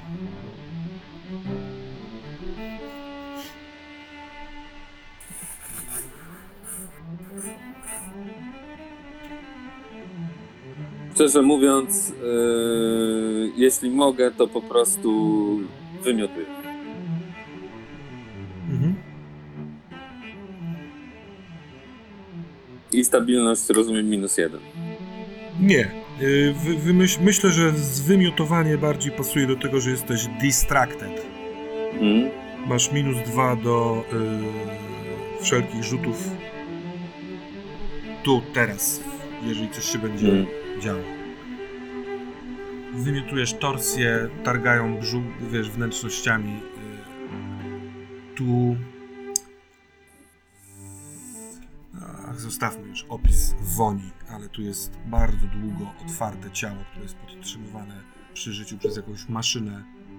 Nie wiesz na co każe patrzeć swojej matce przez wieczność na płótnach. To wszystko jest bez sensu. Jaki wynik. Yy, przepraszam, Ed. Ten strzał uderza w tył jego głowy u, u nasady, na karku. Tak jak stał, pada na tą y, kładkę. W momencie, kiedy uderza ciało do kładkę, dums. Ziemia na całym tym terenie wstrząsa się, tak jakby zareagowała, jakby się, wiesz, upadł na pomost. Ten pomost cały się zatrząsł. I krew, która wcześniej powoli zaczynała się pojawiać, teraz w całości, cały ten piasek już jest e, czerwony. Zaczyna wypływać na powierzchnię. Coraz więcej krwi. Widzisz, że stoisz już w kałuży krwi, a prze, na lewo na skos e, wypręża się, otwiera japę, żeby ryczeć i ten ryk sprawia, że trochę jak wieloryb wodą on wyżyguje z siebie krew. Cały ten świat zamienia się w krwawą ranę. Co chcesz zrobić, Ed? Wracam y, takim kuśtykobiegiem do tego, do tej jamy, gdzie są studnie. Mhm. Kiedy biegniesz w stronę studni, widzisz, że y, y, Milton wyciągnął starszą kobietę. Ta starsza kobieta patrzy w twoją stronę i uśmiechając się kiwa głową. A Ed, a Michael robi co? Ja wy, wyciągnę, chcę sięgnąć po e, Geraldine Mitchell. Chcę wyciągnąć ją.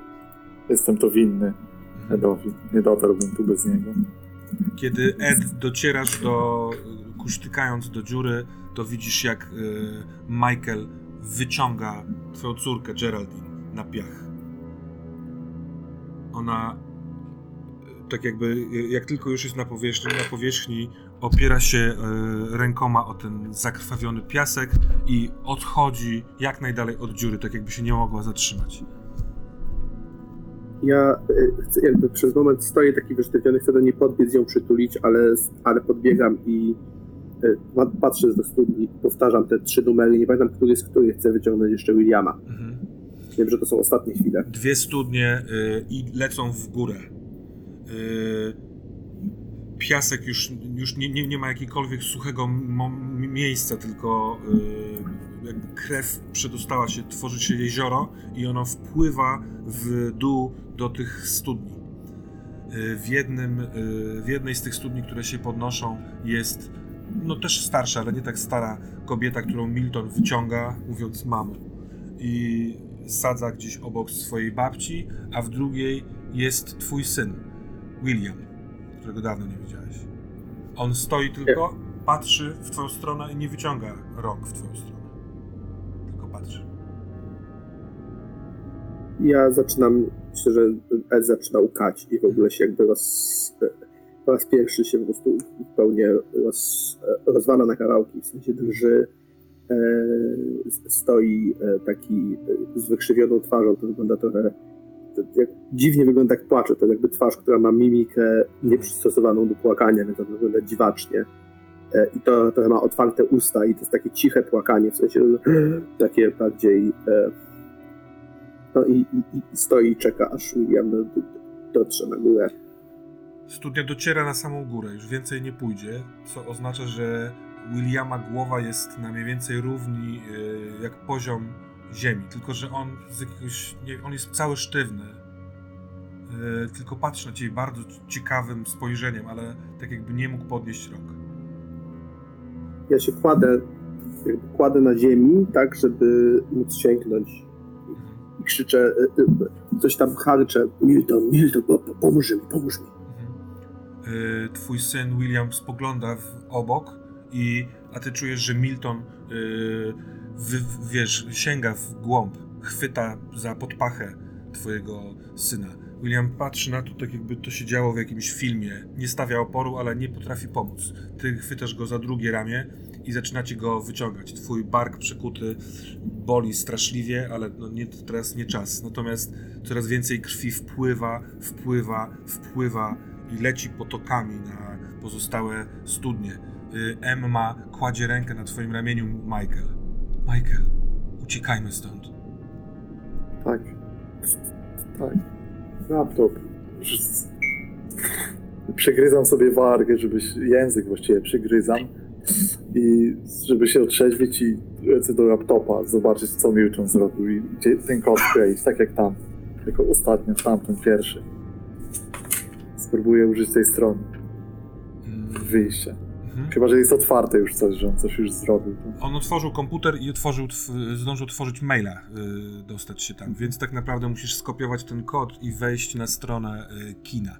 W tym czasie m, obaj mężczyźni, y, Ed i Milton, wyciągacie y, Williama i na tym czerwonym i nagle śmierdzącym krwią i bardzo wilgotnym w powietrzu miejscu siedzicie dwie starsze indyjskie kobiety, Milton wasza dwójka i Geraldine, William i Emma. I niebo w tym śnie też zaczyna zasnuwać się karmazynowym kolorem. Y, żygający jeszcze krwią V przestaje i opada. Jeremy, kiedy kończysz wymiotować, masz wrażenie wstrząsów wokół ciebie. Wszystko, ten cały zamek, w którym jesteś, y, y, drży w posadach cały czas słyszysz ten dźwięk. Co chcesz zrobić? Rozglądam się, czy jest tu jakieś ostre narzędzie. Pierwsze, co ci przychodzi do głowy, to ostrymi narzędziami są palce tego robota. No ale rozumiem, że ten robot się nimi posługuje. Tak, jed, jedną yy, ręką ma wbitą strzykawkę w ramię tej kobiety, a drugą trzyma jej na, na, w głowę i usztywnia. Jeden palec to knebel. Jest tutaj Odginam też... ten knebel. odginasz ten knebel. Ten robot nic sobie z ciebie nie robi, poza tym, że yy, no, odginasz ten knebel. Po prostu nawet Tak. wyłamuje się ten palec. To są na tyle takie cienkie, precyzyjne narzędzia, że kiedy odginasz ten knebel, to słyszysz kraks i zostaje ci w ręku kawałek. Jej bezzębne y, jama zaczyna po francusku próbować coś do ciebie mówić. Nic nie rozumiesz, ale jest, ton jest błagalny. Zabić oui. No to biorę te trzy ostre palce, tego, tą, to ramię tego robota wyrywam z niego i zabijam.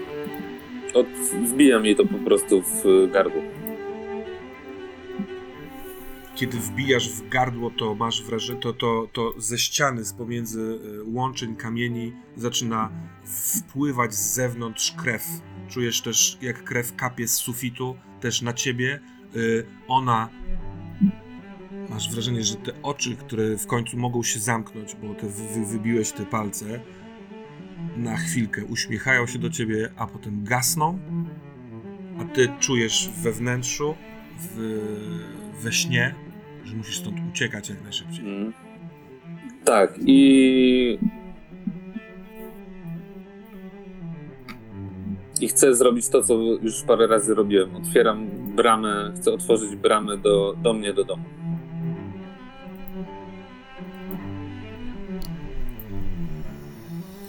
Dobra, wracamy do naszego szybu. Krwawy świat, w nim wy. Michael, wchodzisz szybko na stronę, y, trochę ci się palce trzęsą, ale jesteś na tym, y, na tej stronie y, Black Limousine Drive-In Cinema. Nie, przepraszam, do kina przecież tych Czarnych Żagli. Mhm. Jesteś w, w kinie Czarnych Żagli i możesz wklepywać ten kod. Ja, bo kiedy on się aktywuje? Jak go wkle- wklepię tam, znaczy tak, włączę go, tak? Tak, wtedy było Jeszcze tak, że jak wpis, wpisałeś Enter, to zaczęła się. E, jakby powoli mogłeś wchodzić tam do tego kina. To ja biorę tego laptopa, wstaję, mówię do... Wszyscy się mnie złapcie i zbliżam się do klatki, gdzie jest e, ten Don Matthews, Gina. Mhm. I tak podchodzę, żeby mógł się mnie złapać. Mówię, wszyscy się mnie trzymajcie. Przeniesie nas. No, on y, wyciąga rękę, chwyta cię za przedramię bardzo silnym, y, wiesz, tak jakby o wszystko od tego zależało. Emma cię łapie. wszyscy. Tak. Milton, y, Milton trzyma też y, rękę wyciągniętą w stronę obu y, swoich kobiet. One łapią jego rękę. Ed? Ja też oczywiście ja zagarniam Williama tak za ramię i biorę też Geraldine. Próbuję ją tam jakby podnieść i zawrócić i trochę tak objąć, tak jakby wszystko to robię w takim półautomatyzmie kompletnym, więc ale staram się ich tak, żebyśmy się trzymali. No, słucham się White Hata, po prostu chcę zrobić to, co mówi i pilnować, żebyśmy się dotykali. William cały czas patrzy na ciebie.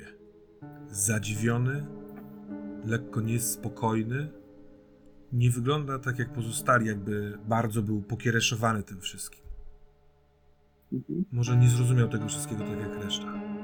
Jest postarzały, wychudły, ale jest zadziwiony.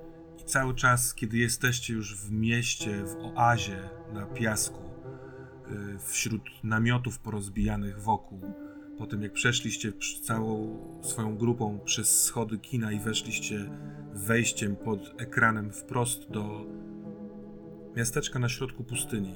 Kilka palm rośnie, rzucając cień, kilka namiotów rozstawionych, yy, kilkoro mężczyzn arabskich rozmawiających ze sobą, przygotowujących yy, jakieś narzędzia, yy, rozpakowujących juki zdejmowane z wielbłądów, sporo pięknych, kolorowo ubranych kobiet i wśród nich yy, człowiek, który przedstawił się jako Khalil, władca sennego miasta na pustyni, który jest niski, łysy, całkowicie ogorzały od słońca, trochę grubawy, w powłóczystych szatach z pierścieniami na palcach, który mówi: Oj, strudzeni, strudzeni, senni wędrowcy, chodźcie, mam dużo, dużo wody i trochę cienia. Pomogę wam. Rozsiądźmy się w moim namiocie. Chodźcie, chodźcie. Nie bójcie się, ja nie, jest, nie jestem złym księciem snów. Ja jestem ten dobry. Ręką robi ruch, który rozchyla poły namiotu i w środku yy, pachnie jakimiś takimi ziołami, yy, może kadzidłem.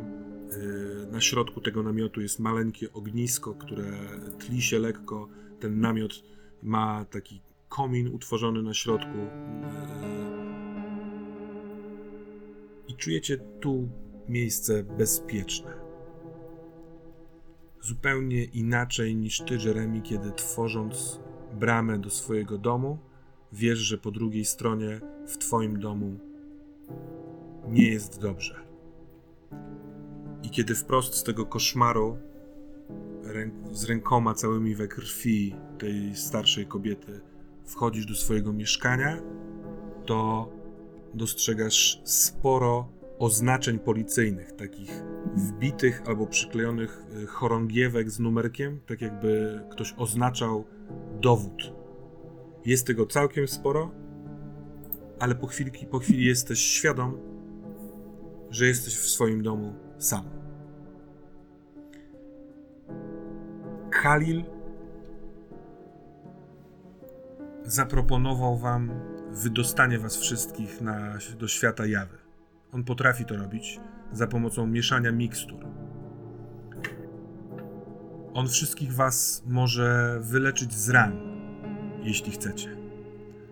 A za wszystkie mikstury, które on wam przygotuje, chce bardzo prostej zapłaty. Chcę, żeby każdy z was raz w tygodniu oddawał swój sen jemu. Tłumaczy, że jeden dzień nie będziecie śnić swojego snu. Nie będziecie nic pamiętać z nocy. A ja sobie to wezmę i będę się pławił snami obcych ludzi. Wszystko ma swoją cenę. Mm. Jasne, bierz ten sen, mam, mam Ed się dosyć też- snów. Też się zgadza. Macha ręką na zasadzie, że jasne. W tym, tym przedziwnym miejscu, na końcu przedziwnej sennej drogi, pełnej makabry, słyszycie muzykę graną na zewnątrz, e, jecie smaczne jedzenie, pijecie przygotowywane przez Kalila mikstury, z których unosi się dym, które na waszych oczach, może w jakiś senny sposób, zasklepiają rany, wszystkie te, które, których nabyliście tutaj w krainie snów. Widzicie po Geraldine, po Emmie, po Williamie i po dwóch Indiankach, że one też, e, on, oni nabierają jakiegoś, jakiejś siły, jakiegoś spokojnego spojrzenia.